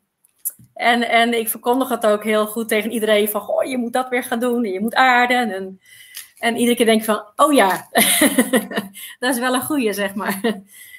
Um, en, en, maar aarden is ook um, naar buiten gaan of sporten of dansen of gek doen. Weet je, ik heb wel eens een man in de praktijk gehad die zei ja, en ik moest dan zo'n zo'n roze eentje of zo helemaal gaan bekijken en mindfulness. Nou ja, hij zei, hoe vanaf, dit is niet hoe het werkt voor mij. Ik zei, nee, ga, ga met je hond lopen. Het staat een hond, weet je, ik ga wandelen het bos in. Uh, ook dat is aarden. Oh, weet je, toen kwam echt een eye-opener van, oké, okay, dat kan dus ook. Weet je, je moet het wel op jou, nou ja, moet niet, maar weet je, doe het op jouw manier, want dan kun je hem ook vasthouden. Weet je, als het niet jouw manier is, dan gaat hij nooit werken gewoon. Dus dat, dat zou, wel werkt. Dat zou denk ik voor uh, spiritualiteit in het algemeen ook een hele mooie doorbraak kunnen zijn. Hè? Als we dat een beetje kunnen ombuigen, het beeld wat we van hebben. Dat het, niet, dat het niet alleen maar van die zware, serieuze stof is die je moet doorploeteren. En dat, dat het ook op een hele luchtige manier kan. Dat, dat humor ook mag bestaan hè, in spiritualiteit. Ja, juist. Juist. Veel meer volgens mij. Ja, precies. En wat, wat ja. speels En, uh, en lach er eens een keer om. En weet je, want ik, ik ben laatst ook even op vakantie geweest. En dan, dan, dan, dan laat ik het even gaan. Dan ga ik niet de hele tijd, uh, ook s ochtends dan uh, even zitten of afstemmen. Dat doe ik meestal wel in de ochtend. vind ik fijn. Maar ik dacht, nou, ik, ik heb nu een vakantie. Dus ik laat het ook gewoon even eenmaal links liggen. Ik doe er even helemaal niks mee. Ja, ja prima. Ja, weet je, zodra we het willen gaan vasthouden. Wat moet zo of zo. En als iemand dat helemaal zalig vindt om te doen, dan moet je dat doen. Weet je, dus je mag echt je eigen ding daarin zoeken, maar het mag juist veel luchtiger. Want volgens mij um, uh, schrikt het heel veel mensen nu zo af. Dat alleen het woord als spiritualiteit, weet je. Ja. Ik ben nog steeds aan het kijken van, kunnen we het niet anders gaan noemen of zo. Maar ja, ik weet ook niet hoe dan. Um, maar bijna alsof het woord al, al vies is of zo, weet je. Dan denk ik van, ja, maar het is gewoon wat het is. En het, in het dagelijks leven uiteindelijk is iedereen spiritueel. Um, ja, dus voor mij mag het veel makkelijker en eenvoudiger en laagdrempeliger. En, en ja, die vieze nuchterheid. Maar voor mij is dat voor iedereen goed. Absoluut, absoluut. Um, Marlijn, heb jij nog een, een, een, nieuwtje waar we even naartoe kunnen gaan? Want ik heb, ik heb zelf nog een paar, maar um, ik, ik, wil het woord even jou geven. Ik uh, wil een nieuwtje van uh, of, of all places CNN. Aha. Dat is uh, Why Summer is Spooky Season in Japan. Okay. En um, daar hebben ze het over, nou ja, ze hebben het over van alles, over, over toneelstukken en uh, weet ik veel allemaal. Dat is allemaal niet zo heel uh, interessant. Want waar komt het nou vandaan? Uh, dat is een klein stukje, dat heb ik uh, vertaald. Dus we doen het in het Nederlands. Uh, naarmate de temperaturen in Japan stijgen, wordt aangenomen dat de grenzen tussen de wereld van de levenden en de doden het dunst zijn. En dat jurei, oftewel geesten, kunnen oversteken. De zomer wordt gekenmerkt door het festival van Obon, dat half augustus plaatsvindt. Obon is het boeddhistische dodenfestival. waarbij de geesten van overleden familieleden en voorouders worden geëerd. Het festival is gebaseerd op een boeddhistisch verhaal waarin een van de discipelen van de Boeddha, Mokuren, te horen krijgt dat zijn overleden moeder in de hel is beland. Hij voert dan een ceremonie uit om haar ziel te redden. Hm. Deze boeddhistische mythe ontwikkelde zich uiteindelijk tot de, tot de traditie van Ura Bonen, oftewel Obon, als een tijd om een herdenkingsdienst te houden voor de geesten van overleden familieleden. Er wordt gezegd dat de geesten terugkeren van de Anoyo, de spirituele wereld, naar de Konoyo, de wereld van de levenden, om het festival met de levenden bij te wonen. Tijdens Obon komen families samen om respect te betuigen bij voorouderlijke graven, vreugdevuren aan te steken, de graven schoon te maken, de bonodori te dansen, te eten en te drinken. Er wordt aangenomen dat als een geest door de familie wordt verzorgd, ze vreedzaam kunnen overgaan naar de volgende wereld. In ruil daarvoor bieden de doden bescherming voor hun levende familieleden. Maar als er niet voor de overledene wordt gezorgd, of als ze op gewelddadige wijze zijn gestorven, kan de, kan de geest wrok koesteren. Ook de geesten van mensen die zijn gestorven, maar niet in vrede kunnen rusten, bezoeken de levenden. Interessant. Ik, ik ben heel benieuwd, want je, je hebt dus over eh, geesten die wrok kunnen koesteren. Ehm, eh, heb je wel eens meegemaakt, Joke, dat, dat, een, ehm, dat, dat je een, een cliënt kreeg die te maken had met een boze geest of iets dergelijks? Of iets... Eh, nee, nee. Ik geloof ook niet zo dat, dat er een hel is. Ehm, volgens mij gaan we allemaal wel weer terug naar het licht. En natuurlijk krijg je wel een, een, een terugblik op, op je leven. Dus wat je hebt gedaan en wat je voor anderen hebt gedaan. En, en nou, wat daarin misschien beter had gekund. Eh, soms merk je wel eens dat er een, een stukje van een ziel, dat dan eigenlijk een zieldeel. Je schijnt wel meer zielendelen te hebben. Ehm, wat ik dan wel eens merk is dat ze ergens zijn blijven hangen. Inderdaad, door een gewelddadige dood bijvoorbeeld. Dat dat stukje zielsdeel nog niet weet dat hij gestorven is. Ehm, en wat maakt dan dat je daar hier op dit moment dan last van hebt. Of nog een blokkade hebt. En als je dat dan helder hebt en, en nou ja, je kunt vertellen van joh, het is nu 2021. Hè, je, bent al heel lang overleden. Dat die uiteindelijk dan naar het licht kan. Ehm, en nou ja, eigenlijk weer verenigd wordt, zeg maar. Waardoor jouw blokkade opgeheven wordt. Ehm, dus zo kan hij soms eh, in de weg zitten. Ehm, maar ik geloof niet dat we ze moeten eren, want anders dan eh, gaan ze ons eh, pesten of weet ik veel wat. Dat, dat, nee, dat, dat, zo zie ik het in ieder geval niet.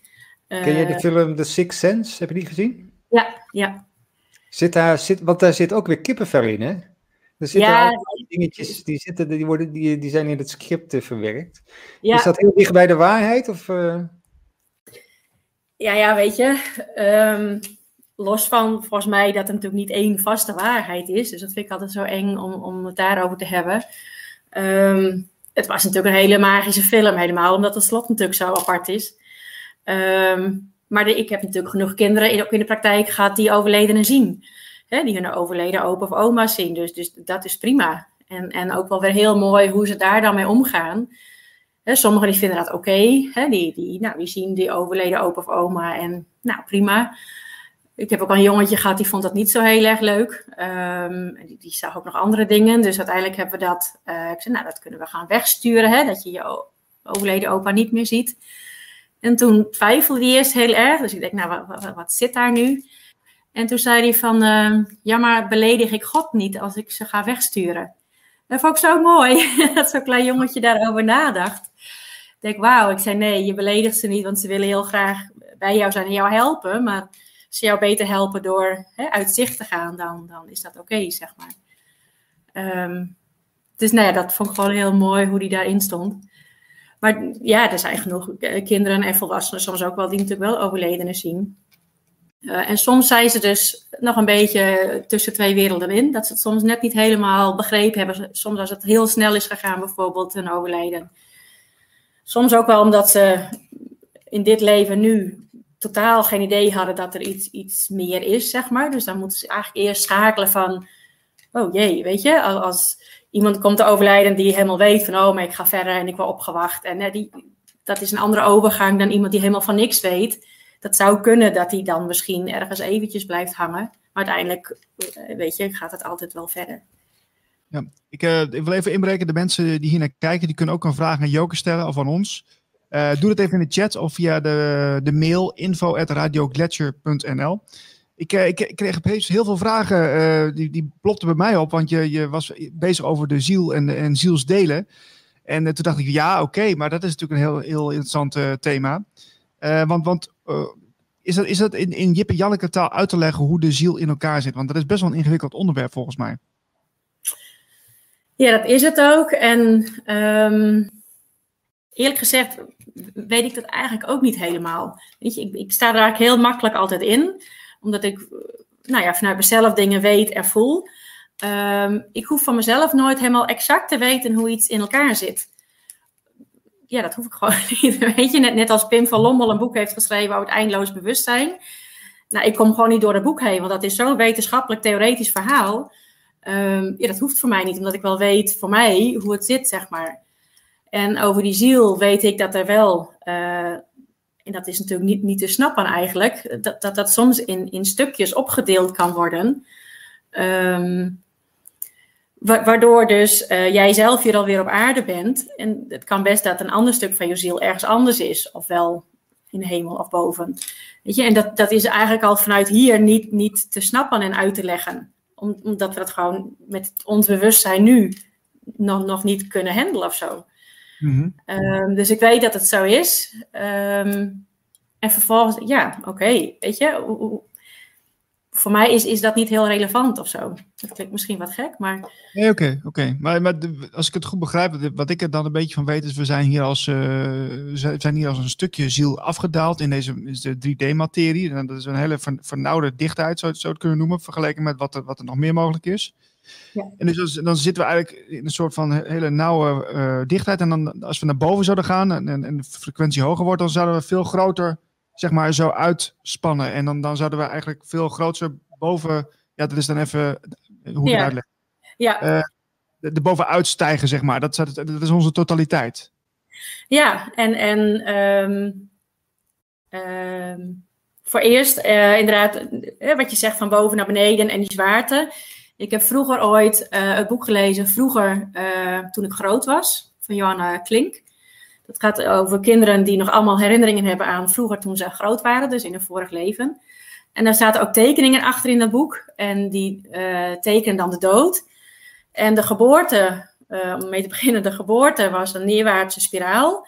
Die donker was en zwaar en, en nou, was gewoon niet fijn, zeg maar. Terwijl ze de dood tekenen met een opwaartse spiraal, met allemaal licht en goud en de levensboom en, en licht.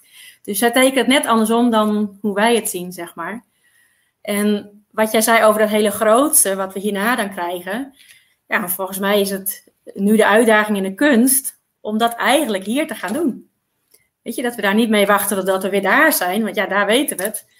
Het is juist nu de uitdaging om dat hier neer te gaan zetten met nou ja, die vaste grond weer onder onze voeten. En, en nu te gaan ervaren dat we al mega groot en mooi zijn, zeg maar, zonder, nou ja, zonder ons op te kloppen of zo. Maar gewoon weten dat we dat zijn. En dat iedereen dat is. En zonder angst vooral, hè? Ja, ja. Weet je, heel veel mensen, hoor ik ook wel, en dat heb ik vroeger ook wel gehad, hebben een soort heimweegevoel. Alsof je eigenlijk weer daar naartoe wil, naar dat mooie licht en die liefde. En ah, weet je, dat, ja, ja, echt een soort heimwee. Um, en die, die herken ik ook wel van vroeger. Maar, uiteindelijk is het de bedoeling niet dat we daar steeds naartoe gaan verlangen, maar dat we hem hier naartoe gaan halen. En dat is van wat we nu mogen gaan doen. Ik hoorde, ik hoorde ooit uh, Martijn van Staveren willen zeggen van uh, uh, de, de, mens lijkt, de mens leidt collectief aan een soort heimwee. Ja, ja die hoor ik veel van, van mensen. Van ik wil daar wel weer naartoe. Ja, dat, dat, die snap ik. Maar uiteindelijk is dat niet waarom je hier bent. uiteindelijk is juist de bedoeling dat, dat we hem hier gaan neerzetten. En van mij is dat ook een 3 naar 5D. Dat we hem gaan voelen en echt eh, heel diep gaan voelen dat dat echt zo is. Niet alleen weten van ja, ja we hebben het gelezen en ja, het zal zo. Maar dat we hem echt gaan voelen van, ah ja, maar jeetje, we mogen het hier gaan doen. En dan gaan we ooit wel weer terug en dat is mooi. Maar het mag nu, weet je. Ja. Marlijn, heb jij ook wel eens een soort, soort heimweegevoel gehad? Nee. Nee dat, uh, nee, dat hoor je inderdaad heel veel van, uh, ja, ja, van mensen. Niet de mensen bij mij uh, in de buurt, maar dat dat wel speelt. Maar nee, dat heb ik nooit zo gehad, nee. nee.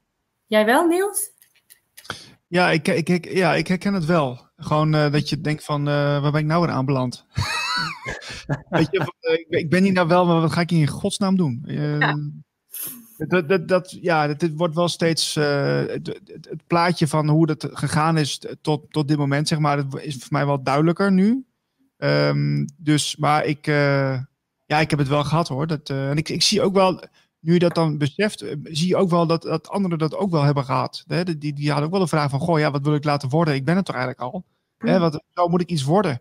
Gewoon dat hele idee al, je wordt er ergens ingepusht, je moet in een mal moet je, moet je passen. En ja, dat, dat noemen ze dan de maatschappij. En uh, prima. Maar ik, ik, ik had altijd al. Ik, ik, ik had vroeger had, had ik talent voor voetbal.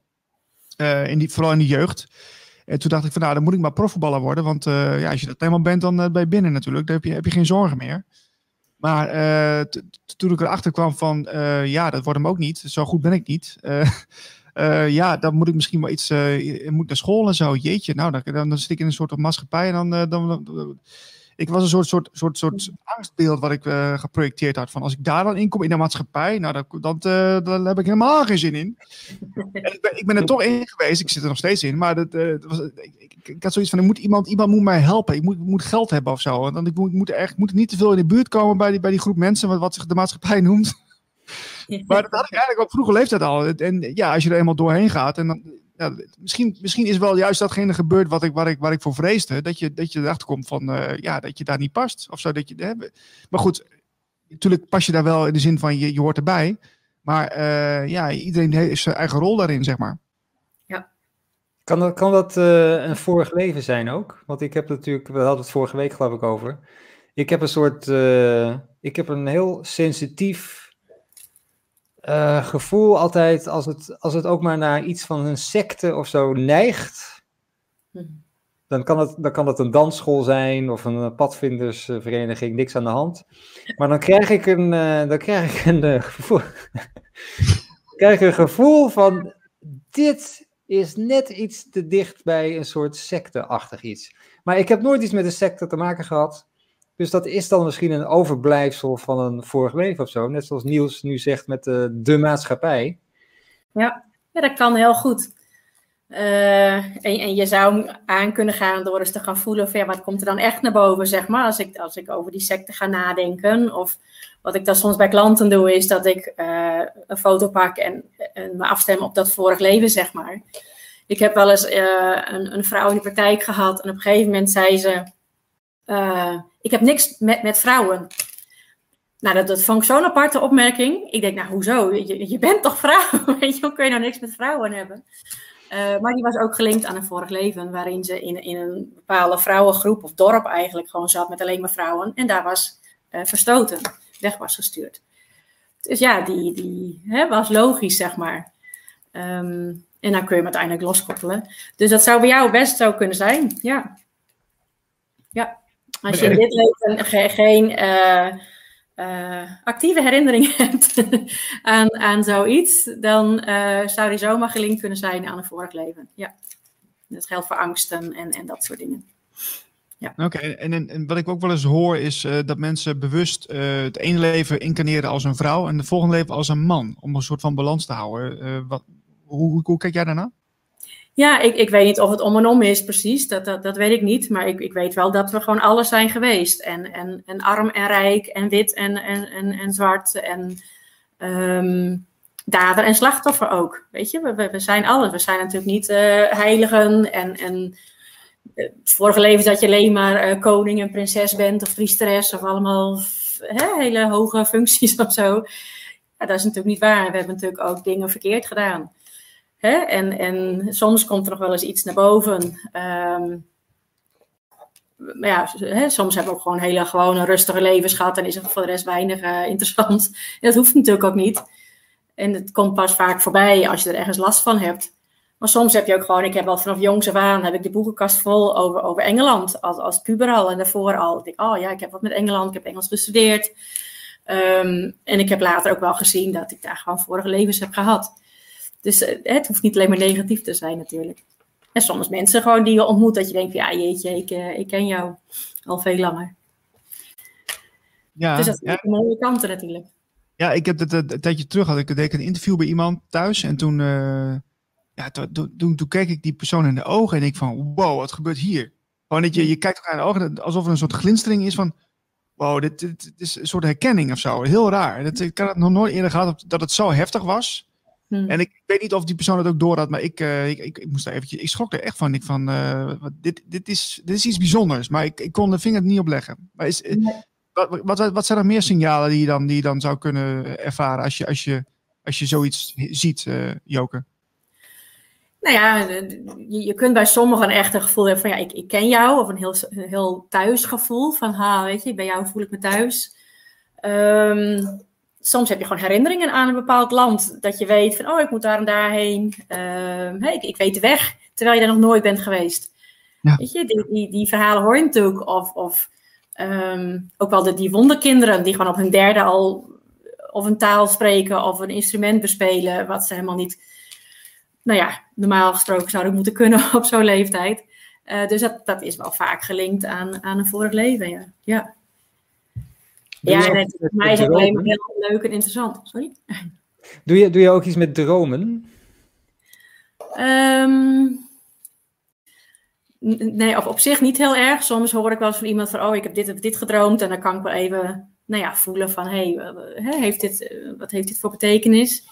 Maar niet dat ik standaard aan droomduiding doe. Ik, ik heb vroeger zelf wel heel veel nachtmerries gehad. Echt al vanaf jong kind tot aan, nou best lang wel, tot een dertigste of zo wel. Uh, en achteraf blijken dat gewoon vorige levens te zijn die, die op een hele gruwelijke wijze uh, afgelopen waren. En op het moment dat ik daar langzaam achter kwam, verdwenen ook de nachtmerries. Maar dat was natuurlijk dan de negatieve kant. Maar je, hebt ook, kunt ook mooie dromen hebben natuurlijk. Ja, dat zeggen ze wel, hè? Dat als, als je het bewust wordt, dan is het weg. Ja. Ja. Ja, ja zo mooi is dat. Alleen je moet het je dus wel eerst bewust worden. En je hoeft dan niet eens alles weer opnieuw te beleven. Weet je, dat, dat ik heb ook wel sessies en dan gaat iemand er weer helemaal in en weer helemaal die pijn voelen. Ik zeg, dat hoeft niet. Laat, zet het maar op, op een soort videoscherm voor je, of een filmdoek. en laat het maar voorbij gaan. Je, weet je, dat, dat je, dan zie je het, dan weet je het, maar je hoeft het niet weer te ervaren. Weet je, anders moet je weer al, al die shit door. En voor mij hoeft dat niet. Je zet puur die bewustwording inderdaad. En dan loskoppelen. Het is nu 21 juli, ik ben die en die. Weet je, ja, weer dat nu. Dat is zo belangrijk. Dat nu gewoon, weet je, ik ben bezig met vorige levens en het leven hierna. Maar puur van wat brengt het je nu? En, en hoe kan het jouw leven nu um, ja, mooier maken? Weet je, voor mij maakt het zoveel mooi dat ik weet dat, dat het doorgaat, zeg maar. Um, want het, ja, we zijn gewoon nu hier. Dus iedere keer kom ik wel weer terug in het nu. Ja, zijn we eigenlijk ook uh, dan, dan op een bepaalde manier uitvolkorenen om dit, om dit te gaan doen? Uh, denk, je, denk je dat? Nou ja, uitverkoren klinkt zo, maar ik denk wel dat we bewust hebben gekozen om nu hier te zijn natuurlijk. Ja. Ja, want ik maak even een bruggetje, want uh, dat uh, doen ze bij de radio ook vaak, hè? Maken ze bruggetjes. Uh, ja, ik heb een leuke profetie gevonden van, van Peter Deunhoff. Um, zegt iemand dat wat? Nee. Dus ehm, deze man die beschrijft de veranderingen die vandaag al plaatsvinden en diegenen die nog zullen komen. Uh, de, de aarde zal binnenkort worden overstraald met buitengewoon krachtige golven van uh, kosmische energie. Ja, dit is in 1944, hè Niels? Ja, ja, ja, dit, dat was ik uh, bijna. Oké. Okay. ja, we hebben het over Peter Konstantinov Deunov, beter bekend als Bijnsa Douna. Dauna moet ik zeggen, Bijnsa Dauna. Werd in 1886 in Bulgarije geboren en overleed in 1944. Uh, enkele dagen voor zijn overlijden uh, ontving hij in een trance een voorspelling. Uh, deze profetie slaat op onze tijd en gaat over de verandering van ons bewustzijn. De veranderingen op onze planeet en over de gouden eeuw daarna. Eh, Dauno was daar toen al bekend mee en hij verkondigde de overgang naar het Waterman-tijdperk. In de loop van de eeuwen is het menselijk bewustzijn lange tijd in duisternis gehuld geweest. Uh, de Hindoes noemen dit tijdperk Kali Yuga. We zijn nu in een overgangsfase. Kali Yuga loopt ten einde en een nieuw tijdperk begint. Geleidelijk aan zal er, een ontwikkeling komen in het menselijk denken, voelen en handelen. Maar weldra zal iedereen door een goddelijk vuur worden gegrepen, gezuiverd en voorbereid op het nieuwe tijdperk. Ik noem het zelf ook wel eens de nieuwe tijd, dus dat is dan uh, fantastisch. Uh, op deze manier zal de mensheid een hogere ontwikkeling van het bewustzijn bereiken. Wat de voorwaarde is om het uh, nieuwe leven binnen te kunnen gaan. Dit is wat er wordt bedoeld met de hemelvaart. En dan gaat hij, gaat hij verder over het kosmische vuur. er zullen enkele decennia voorbij gaan voordat het kosmische vuur zal komen. Het zal de wereld veranderen door een nieuwe moraal te scheppen. De immense golf komt uit de kosmos en zal de hele aarde overspoelen. Al diegenen die zich verzetten zullen worden meegenomen en naar elders worden gebracht. Hoewel niet alle bewoners van de aarde zich op dezelfde pijl van ontwikkeling bevinden, zal toch iedereen de nieuwe golf bemerken. Niet alleen de aarde, maar ook de hele kosmos zal door deze transformatie worden beïnvloed. Het beste en enige wat de mens kan doen, is zich tot God wenden. Het kan bewust zijn, geestetoestand, uh, het, kan bewust zijn geestetoestand verbeteren om zich aan te passen aan die krachtige golf. Um, het vuur dat de nieuwe toestand en omstandigheden van deze aarde zal begeleiden. Dit vuur zal alles vernieuwen, zuiveren en herstellen. De materie zal worden verfijnd. Jullie harten zullen worden bevrijd van angst, zorgen en onzekerheid. En ze zullen stralen, stralen, stralend helder worden. Um, alles zal verbeteren. Gedachten en gevoelens zullen verheven worden. En er zal geen tegenwerking meer zijn. Je huidige leven is een leven van slavernij, een zware gevangenisstraf. Begrijp je toestand en bevrijd je ervan. Nou, dan gaat hij nog even een stukje verder. Uh, hij haalt ook uh, Bijbelse teksten erbij. Hij heeft het over de bevrijding van de aarde. Uh, ons zonnestelsel beweegt zich nu door een gebied in de kosmos waar een verwoest sterrenstelsel zijn sporen en stof heeft achtergelaten. Het doorkruisen van deze vervuilde ruimte is de oorzaak van veel, veel storingen. Niet alleen voor ons mensen op de planeet aarde, maar ook voor de bewoners van andere planeten en sterrenstelsels. Alleen de zonne wordt niet door de invloed van deze vijandige, onherbergzame omgeving beïnvloed. En dan, uh, ja, het is, het is, een hele, hele uh, lange tekst, dus ik, ik, zal, ik zal niet alles voorlezen. Um, maar ik, ja, als, herken jij hier iets van, Joke, van, van zo'n voorspelling? Heb je, heb je, heb je wel, wel, eens, wel eens meer informatie gehoord over dit soort verhalen? Um, jawel. En, en um, ja, ik geloof ook wel dat is waar we nu in zitten, gewoon in die verandering van 3 naar 5D. Dat is natuurlijk naar het licht en veel meer vanuit je hart gaan leven en, en die hemel op aarde gaan creëren. Van mij is het heel kort, is dat het. Um, en of we ons daar nou bewust van zijn of niet, zeg maar. En, en sommigen die daar nog niet voor openstaan en bewust van zijn, um, ja, die merken er misschien helemaal niks van. Weet je, dat, dat zou kunnen. En misschien dat iedereen toch wel iets merkt dat er iets verandert. Maar ik geloof echt wel dat we naar een nieuwe tijd toe gaan. Ja, of nou ja, natuurlijk al zijn. Um, vandaar ook dat wij hier zo mee bezig zijn, volgens mij, om, om toch steeds meer de, die licht erin te brengen. En licht en liefde, maar ook die luchtigheid, hè, licht beide kanten op. Um, dus ja, ik geloof wel dat wij hier bewust voor hebben gekozen om, om hier aan bij te dragen. En, en iedereen ja. die er nu is. Ja. Ja, en uh, dat is ook een beetje, uh, kijk, iedereen draagt zijn steentje bij. Hè. De ene is hier goed in, de andere is daar goed in. En ik, ik ben natuurlijk met radio bezig geweest lange tijd. En het leek mij heel mooi om met Radio Gletscher een soort, soort platform te maken. Waar mensen zoals jij en ook heel veel anderen met ons samen, ja, toch wat meer, meer aan het woord mogen komen. En, en de kennis mogen delen. En um, ja, dit, dit soort, soort, soort voorspellingen, wat het eigenlijk zijn, of, of mensen raken in trance en ze zien dan dingen dat we dat niet steeds moeten wegwuiven als iets wat onzin is, maar dat we dat eens wat, wat serieuzer moeten nemen. We moeten het eigenlijk heel strikt serieus nemen. En kijk eens van, wat is daarvan waar? En laten we daar alsjeblieft gesprek over aangaan. Ja, en, en natuurlijk zijn er mensen die dat heel eng vinden, denk ik, en die daar niks van willen weten. Um, maar dat betekent niet dat wij het wel mogen gaan doen, zeg maar. Weet je, er zal altijd een groep zijn die er helemaal uh, niks mee wil en ook niet zal willen. Ik denk dat, dat die groep er ook altijd is. Um, maar er komen volgens mij ook niet voor niks steeds meer jongeren en kinderen hè, die toch al een ander bewustzijn hebben en, en al veel meer in het nu leven. En, en um, ja, ouders daarin dus ook al gaan spiegelen van joh, uh, hè, ga eens op een andere manier in het leven staan. Of niet alleen maar werken, werken, werken. Of, of nou ja, op wat voor manier dan ook.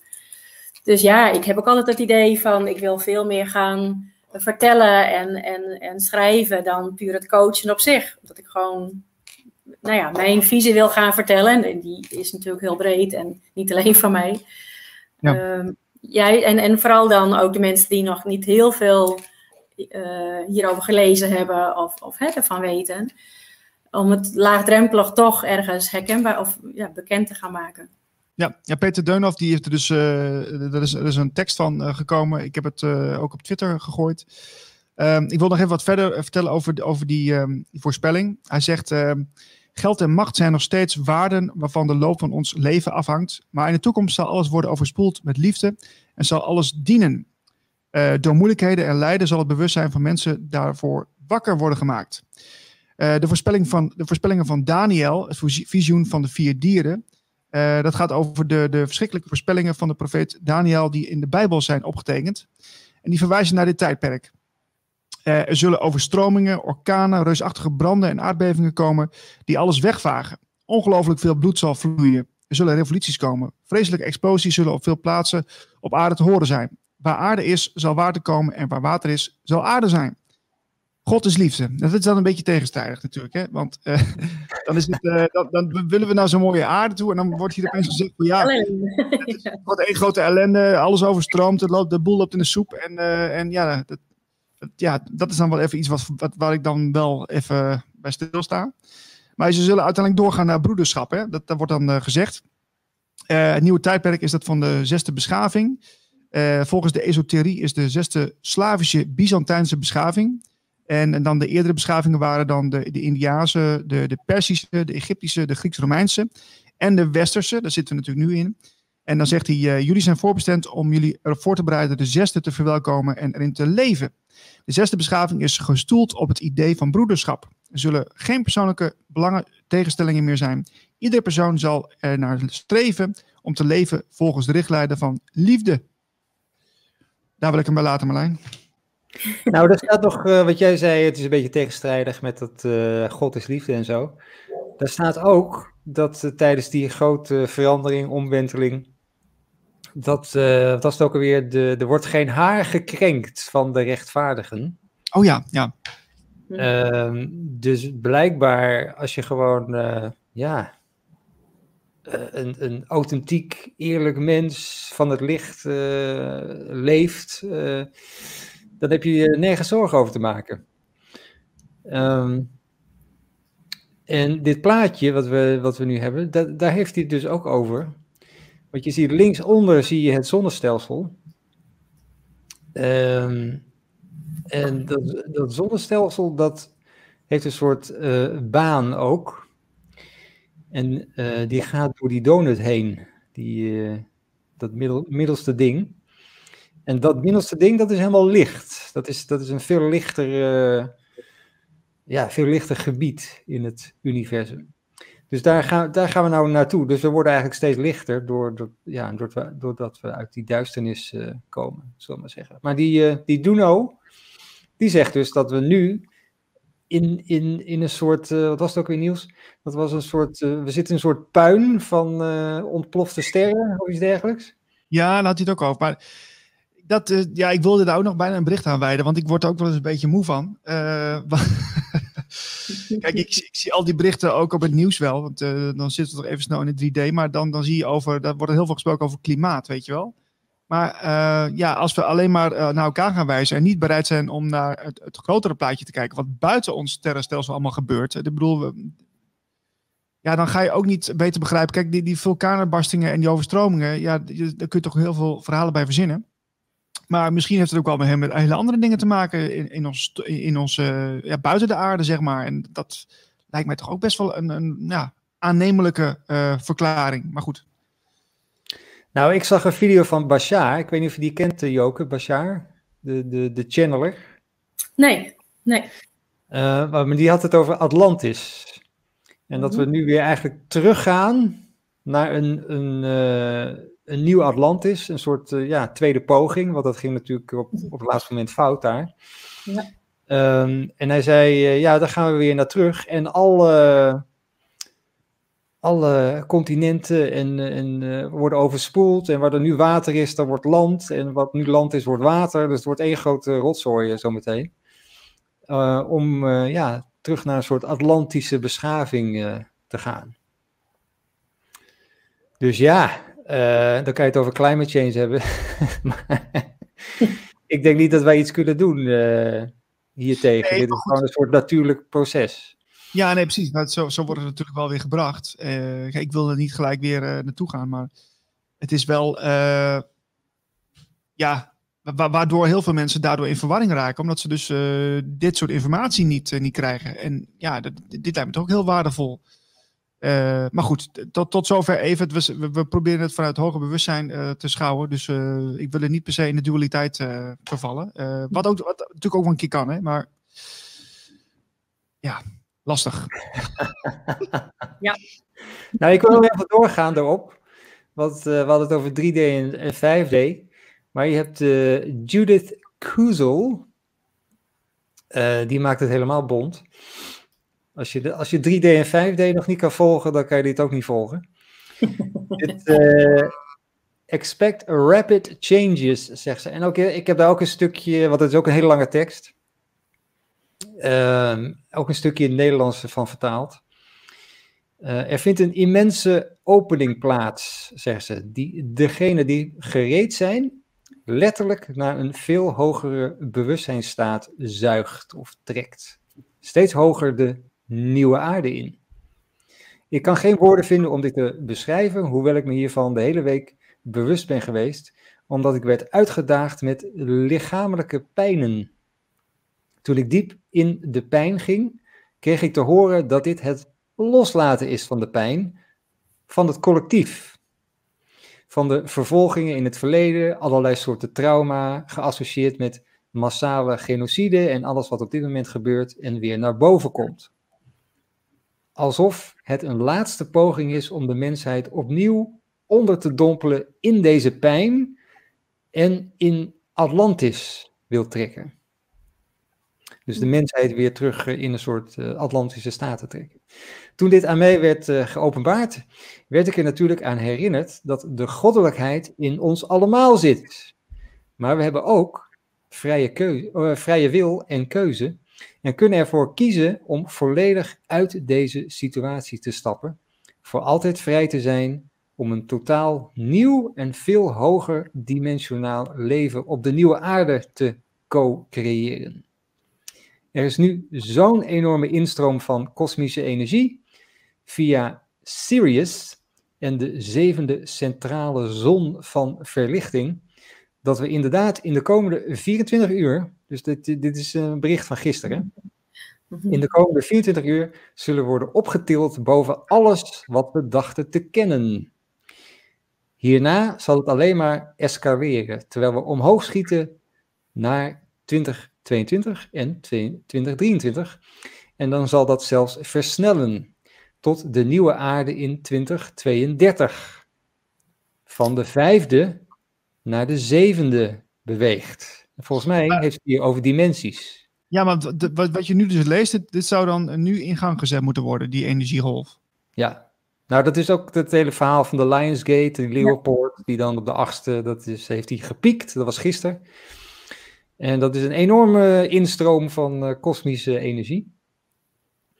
En dan zegt ze, ja, die nieuwe aarde die komt dus in 2032. Dus we hebben eigenlijk, eigenlijk een nieuwe aarde, zeg maar, volgend jaar en het jaar daarna. En dan hebben we een nog nieuwere in 2032.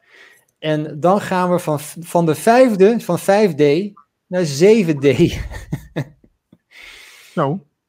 Weet dat je lichaam intense veranderingen zal doormaken en dat dat nu al aan het gebeuren is. De levensenergiekracht, de chi-kracht, zal versnellen en dit zal zichtbaar zijn in degenen die ascenderen. Er zullen lichtstromen uiteen komen. Het zal lijken alsof ze van binnenuit worden verlicht.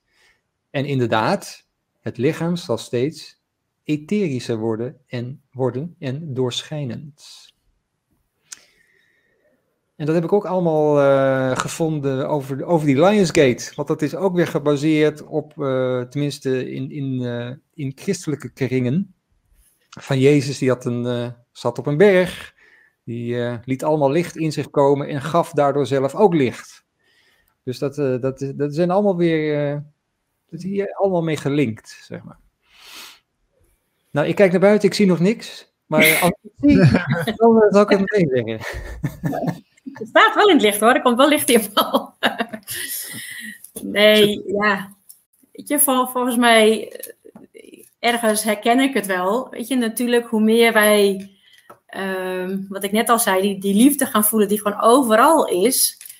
Um, ik heb het zelf ook wel, als ik zo op dat liefdesveld ben afge, afgestemd of ingetuned, door middel van een sessie of, of wat dan ook, dan voel ik ook zo dat liefdesveld dan. dan ben ik echt verliefd op de hele wereld, zeg maar. Dus ergens straal je dat natuurlijk wel uit. Dat, dat, dat geloof ik. Weet je? En van mij gaan veel meer dat mensen het wel ervaren. Ik geloof niet dat je alles letterlijk moet nemen, net als je de Bijbel niet allemaal letterlijk hoeft te nemen. Um, of het allemaal precies zo is. En, en ja, weet je, laten we het gaan ervaren. En vooral iedere keer weer bij onszelf terug, bij het been op de grond. Van hoe kunnen we gewoon nu het hier mooier maken met z'n allen. Weet je, dat is volgens mij iedere keer weer. of dat nou 5D, 7D of 12D is, wat er ook is. Um, ja, weet je, dat, ergens vind ik dat helemaal niet interessant of zo. Ja, we, gaan het wel zien, we komen daar wel.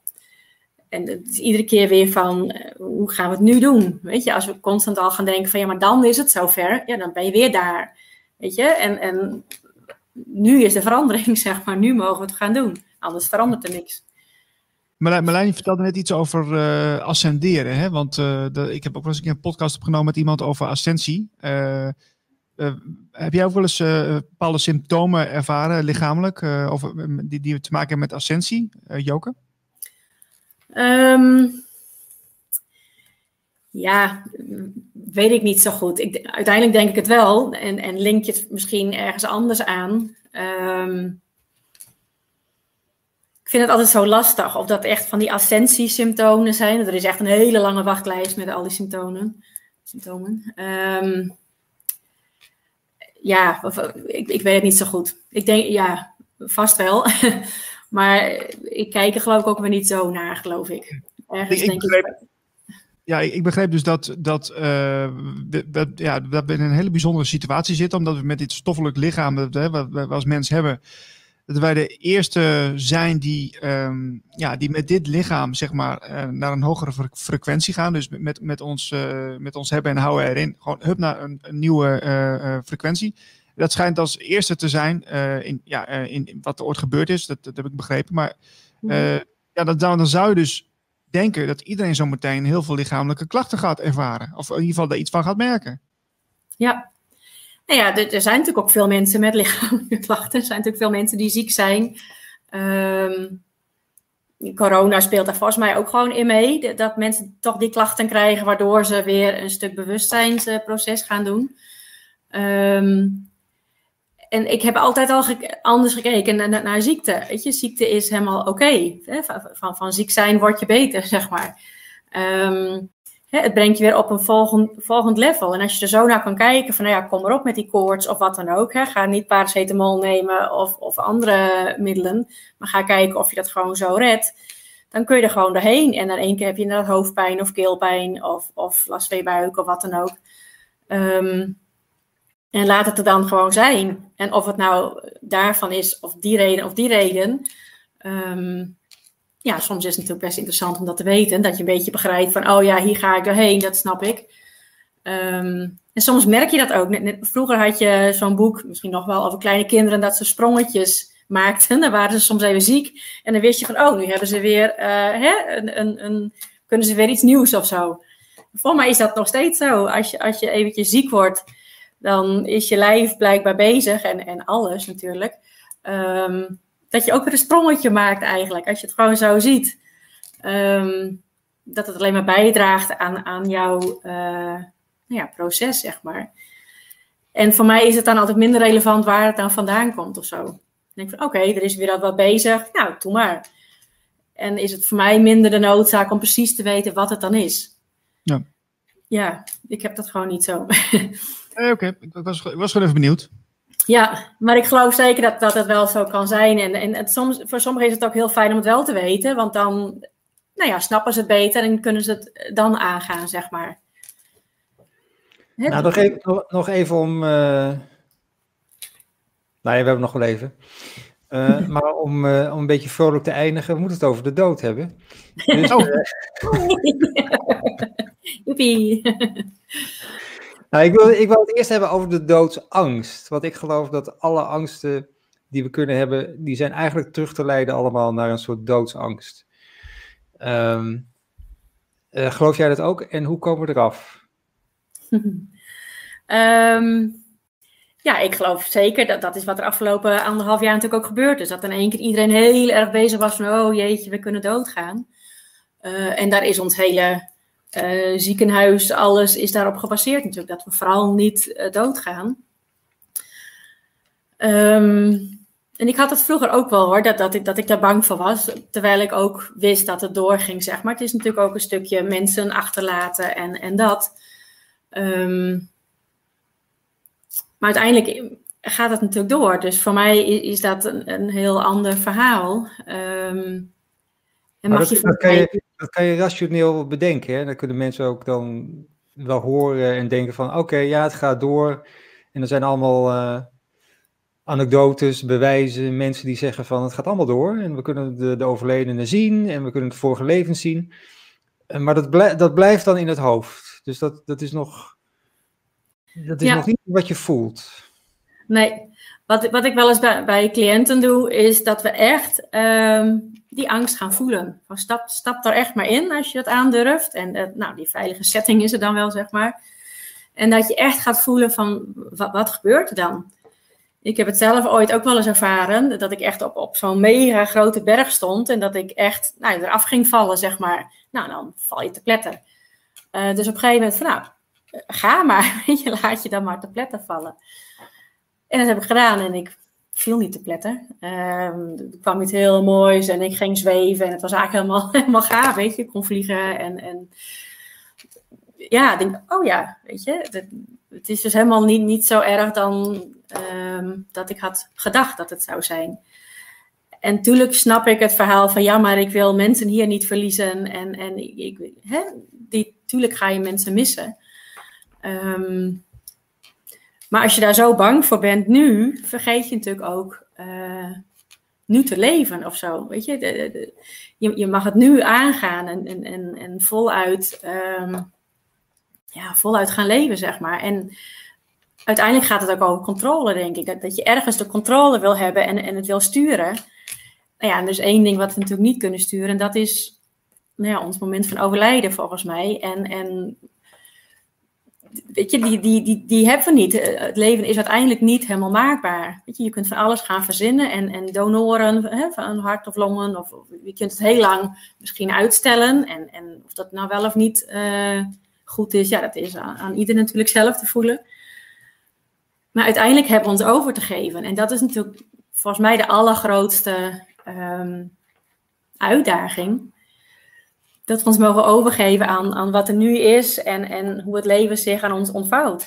Weet je, en er, en er gebeuren inderdaad weet je, hele jonge kindjes die al gaan overlijden. En, en ehm, hè, hoe, hoe kan dat dan en wat is dat dan? En waar is dan die God natuurlijk, zeggen ze dan.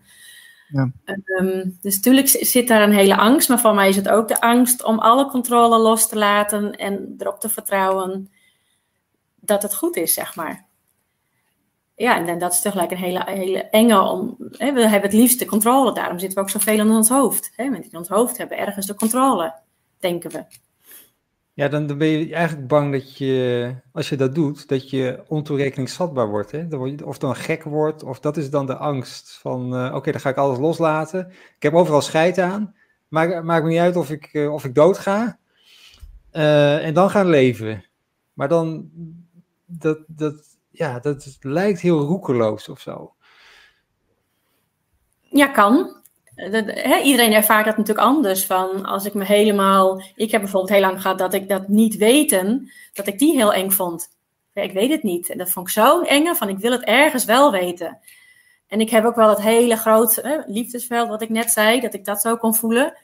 Maar dat was zo groot, dat wat, dan stapte ik er gewoon uit. Als het, ware. het was gewoon te groot en te overweldigend en te mooi. En, en dat dat ook eng was of zo. Dat dat gewoon, nou ja, ook, ook nog niet te behappen was of zoiets. Dus zodra we het niet, niet meer kunnen voelen of snappen of, of zelf in de hand houden, dan wordt het ergens heel eng. En als we die durven te gaan loslaten van oké, ergens worden we toch gedragen in mijn beleving en, en geholpen en beschermd. Als je daar echt op durft te vertrouwen, ja, dan kun je ehm, veel meer vol vertrouwen in het leven leven. En niet roekeloos, maar juist veel bewuster. Ja, want dat, dat, dat heb ik zelf ook nog wel eens af en toe met bijvoorbeeld het idee van uh, gidsen. Hè? Uh, Als je uh, in een, op een rustmoment bent en je, je, of je zit in een meditatie, dat je dan daar een beroep op doet of je, je, je, je, ja, je, je, bedankt ergens voor of je bent op een of andere manier in, in contact. Mm -hmm. dat er dan toch altijd een soort van ja, een soort van twijfel of een soort van stemmetje in je is, in je is wat die zegt van ja, dat, dat zeg je nou wel Niels, dat, dat roep je, dat doe je nou wel. Maar dat, je, je, hebt ze nog nooit gezien, je hebt ze nooit aan de hand gegeven, je hebt ze, dus je weet, eigenlijk weet je dat niet. Nee. En dat, dat is je hoofd die het natuurlijk wil weten. En vlak daarvoor heb je heel erg gevoeld en misschien wel een hele rust of, of liefde of wat dan ook, dat het gewoon zo was. Weet je, wat nou als je daar wel op kunt vertrouwen? Wat nou als dat wel echt zo is? Hoe gaaf mhm. is dat? Weet je, en dan is dan jou, welke ga je kiezen? Laat je je toch leiden van ja, maar en hè, hè, het, vast niet, of dat kan toch niet? Of laat je leiden van wauw, weet je, het, het is, hoe gaaf is het? Ja, kies maar welke je wilt gaan volgen. En, en dan vervolgens komen er nieuwe stappen en nieuwe bewijzen of, of uh, handreikingen dus dan is het aan jou welke je wil gaan volgen. En ik weet hoe lastig die is hoor, want ik, uh, ik zit daar zelf ook mee. Ik wilde een boek gaan schrijven. Ik, mijn moeder is pas overleden. Dus ergens heb ik iets van, oh, daar wacht het boek op. Want ik ga het met haar schrijven. Ik ga het samen met haar doen. Ja. Door vraag en antwoord, weet je. Van, nou, vertel me hoe het daar is. Um, en vervolgens heb ik ook 80.000 stemmen in mijn hoofd van, ja maar, lukt het wel? weet je, dus die is volgens mij ook heel menselijk. En nou ja, haha, we, weet je, we zijn ook mens. We zijn niet voor niks hier. Anders waren we lang heilig verklaard en, en komen we nooit weer terug, zeg maar. Hm. Dus we mogen ook juist daardoorheen. Dat is ook helemaal prima. De, de, die, die, ja, dat, dat, dat, hoe zou je dat dan omschrijven? Dat, dat, dat, ja, strijd is misschien een beetje zwaar, maar dat, dat, uh, dat, dat conflict, het innerlijke conflict met, met, met jezelf, met die stemmen, maar wat, wat je dan twijfelt van of het echt is of niet, Blijft dat altijd? Of, denk je dat je ook een bepaalde staat kunt bereiken dat je dat, je dat achter je kunt laten? Ja, volgens mij uiteindelijk kun je dat wel achter je laten. Voor mij zijn het steeds hele kleine stapjes dat je eigenlijk iedere keer weer een stukje uh, dieper um, zakt. Um, waardoor je steeds meer gewoon weet, vanuit, vanuit je innerlijk weten, van oh ja, maar het is oké. En, en um, weet je, geef jezelf ook die, die tijd. Gun jezelf ook dat proces gewoon om daar naartoe te gaan. Dat je niet gelijk wel van, ja, shit, weet je, nou lukt het weer niet. Hè? Nou komt weer dat stemmetje voorbij. Weet je, die, die is niet helpend, zeg maar dan. Dus uh, ja, weet je, accepteer ook gewoon jouw proces, gewoon hoe het gaat. En af en toe schiet je weer in je hoofd en nou oké, weet je, ja, dat, dat is dan zo. Maar je, je bent nu al veel verder dan vijf jaar terug of zo, weet je. Dus je maakt heus wel stappen. Alleen zien we die soms niet meer in het nu, zeg maar. Van, loop ik weer ergens tegenaan. Maar iedere keer is het toch weer een, een uh, level dieper of zo, zeg maar. Of hoger, net wat je wil. Ja. Dus maar van, je maakt steeds wel stappen, jawel. Ja. Nou, ik, ik ben dan benieuwd naar de eerste stap. Want ik heb hier een uh, tweet van iemand. En dit is volgens mij iets waar heel veel mensen, en ook jongeren, die, die zitten er zo in. Dus die, uh, die, die zeggen van uh, ik wil gewoon leven man. Sinds de financiële crisis is het leven een red race geworden. Ik leef om mijn rekeningen te kunnen betalen, meer niet. Wat voor leven is dit? Ja. Dus wat, wat zou, volgens mij is dit heel, heel erg uh, bezig. Um, wat, wat zou jij, niet per se aan deze persoon uh, persoonlijk, maar uh, in het algemeen. Nee. Ah Ja, ja, en- dat eerste stapje. eigenlijk ben je dan aan het overleven, hè, in plaats van aan het leven. En, en dat is zo zonde. En soms inderdaad word je daarin gedwongen door, door nou ja, omdat we nou een keer in de red race zitten, in die maatschappij waar Niels het ook over had en zo net. Ehm, en ik heb dat vroeger ook wel bij lezingen gezien, eh, die ik voor moeders deed. En dan zaten ze allemaal stuk voor stuk bijna uitgeplust op die bank. Van, oh, nou, is dit het nou? En, en ehm, het begint volgens mij, ehm, en dat is makkelijker gezegd dan gedaan, door af en toe nee te zeggen op dingen. Dingen die van je worden ver- ver- verwacht door de maatschappij, of door je baas, of, of door je partner, of door je buren. Of dat je af en toe gewoon nee zegt en, en dus ja tegen jezelf. Van ja, maar ik wil het op deze manier doen. En dat betekent dat ik dan toch dat niet ga doen, bijvoorbeeld. Ehm, en dat is al best, eh, al best lastig, zeg maar. En natuurlijk heb je ehm, eh, je huur of, of je hypotheek die je moet, moet betalen. Dus weet je, je zit ergens eh, in zo'n cirkel. Ehm, maar elke keer als je al gaat bedenken van ja, maar wil ik dit, nou ja, voelen dan. Voelt dit echt oké of wil ik iets anders doen? En wil ik dan misschien een kleiner huisje? Weet je, we hoeven ook niet meer zo mee in dat meer, meer, meer. En kijk mij nou. En weet je, dat, dat is niet waar het om gaat volgens mij. Ehm, dus ergens mag je daar al, al eh, nee in zeggen dan. En dat zie ook al bij heel veel jongeren die, die op school afhaken. Weet je, die echt niks meer met het hele schoolsysteem te, te maken willen hebben eigenlijk. Wat niet meer kloppend is. En dan is het nog lastig van, ja, maar hoe dan wel? Weet je, waar kom je dan terecht als je geen opleiding meer hebt? En vaak komen die er ook wel door, nou ja, hun talenten gewoon in te gaan zetten. Eh, maar op het moment dat wij constant blijven meegaan in wat er nu is, ja, zal er ook nooit iets veranderen. Dus we zullen toch weer die verandering bij onszelf natuurlijk teweeg moeten brengen.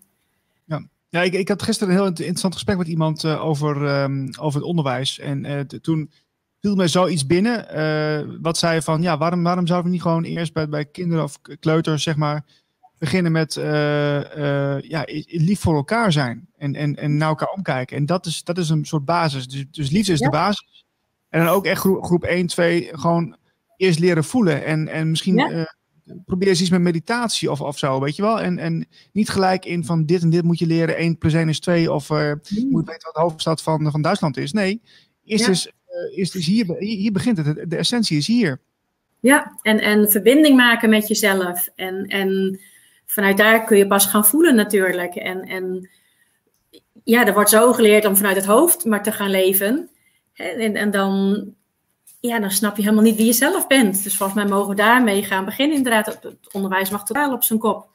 Ja, ook, ook, dan bijvoorbeeld het idee van, kijk, als, als, als je, eh, als je op vroege leeftijd al begint met eh, bewustwording, eh, dus en dat je, dat je, dat je eh, het onderscheid leert van lichaam en geest en dat je op liefdevolle manier met elkaar omgaat, dat vertaalt zich vervolgens heel snel in gedrag. Kijk, wij, wij als mensen leren het vaak op latere leeftijd en dan, dan, hè, dan zijn we natuurlijk al verschillende processen doorlopen.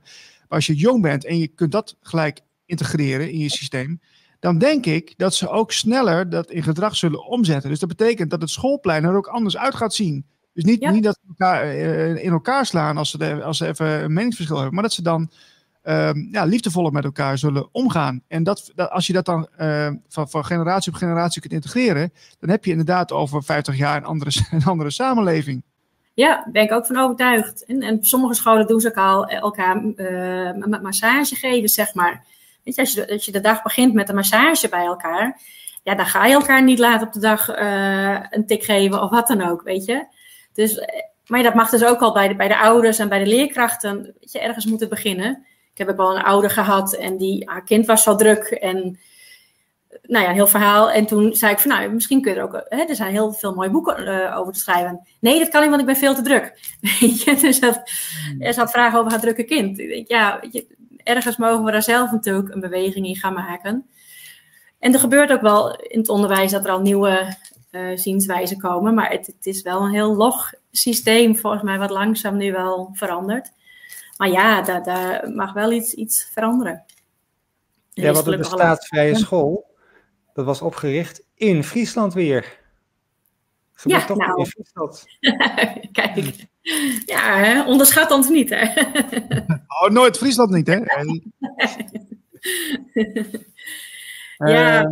Ja, Ja. Maar je, je zegt eh, volgens mij, eh, zei je dat, ehm, dat het, staat niet allemaal, het leven staat niet allemaal vast. Maar je zegt ook, toeval bestaat niet. Ja. Hoe kan dat? Eh, nou, dat toeval, ik geloof echt dat we onderdeel zijn van iets, iets nou ja, veel groters. Hè? We worden echt daarin wel begeleid en ondersteund. Ehm, ik geloof zeker dat ons begin en het eindpunt staat echt vast. Zo zie ik het. Dus het punt van overlijden is wel vast.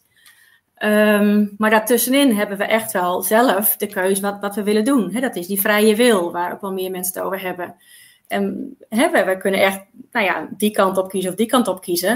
Op een gegeven moment merk je dan zelf wel van... hé, hey, die flow zit er niet in, of ik word tegengewerkt, of, of het lukt niet. Nou, dan zit je vaak niet helemaal op je pad, zeg maar.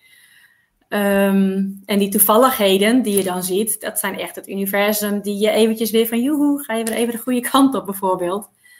Ehm, dus ergens staat het vast, maar ergens daartussenin hebben we heel veel, gelukkig ook denk ik, eh, ja, de vrijheid om, om te gaan ervaren, te leven en, en ja, dingen te gaan doen. We zijn bijna aan het einde, eh Joke. En je doet, je doet die fotoreadings. Wat, wat krijgen mensen die, eh, die daar interesse in hebben? Wat, wat, wat, wat, ja. wat, wat krijgen ze van Ehm, jou?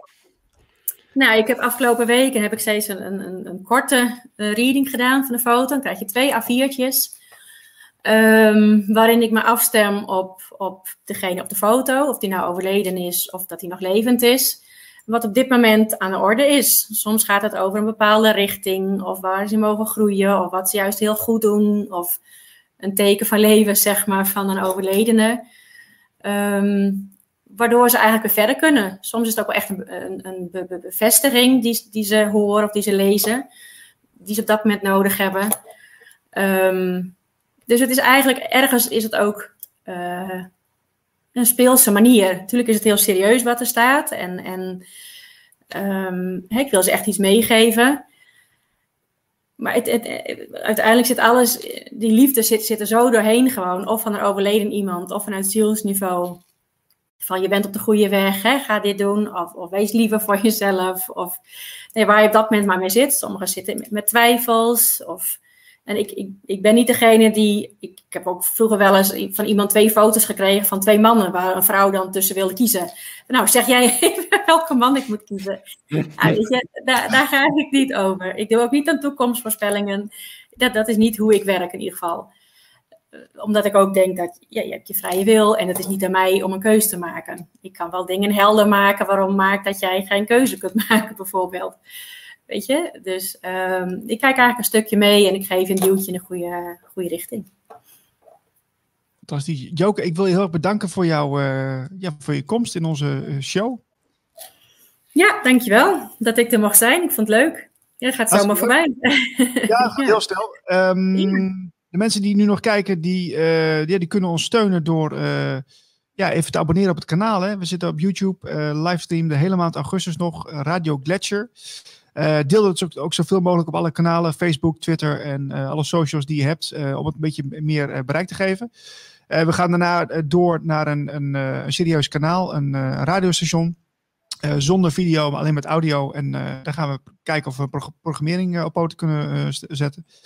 En um, ja, als je vragen hebt of suggesties, stuur het naar info.radioglacier.nl, moet ik zeggen.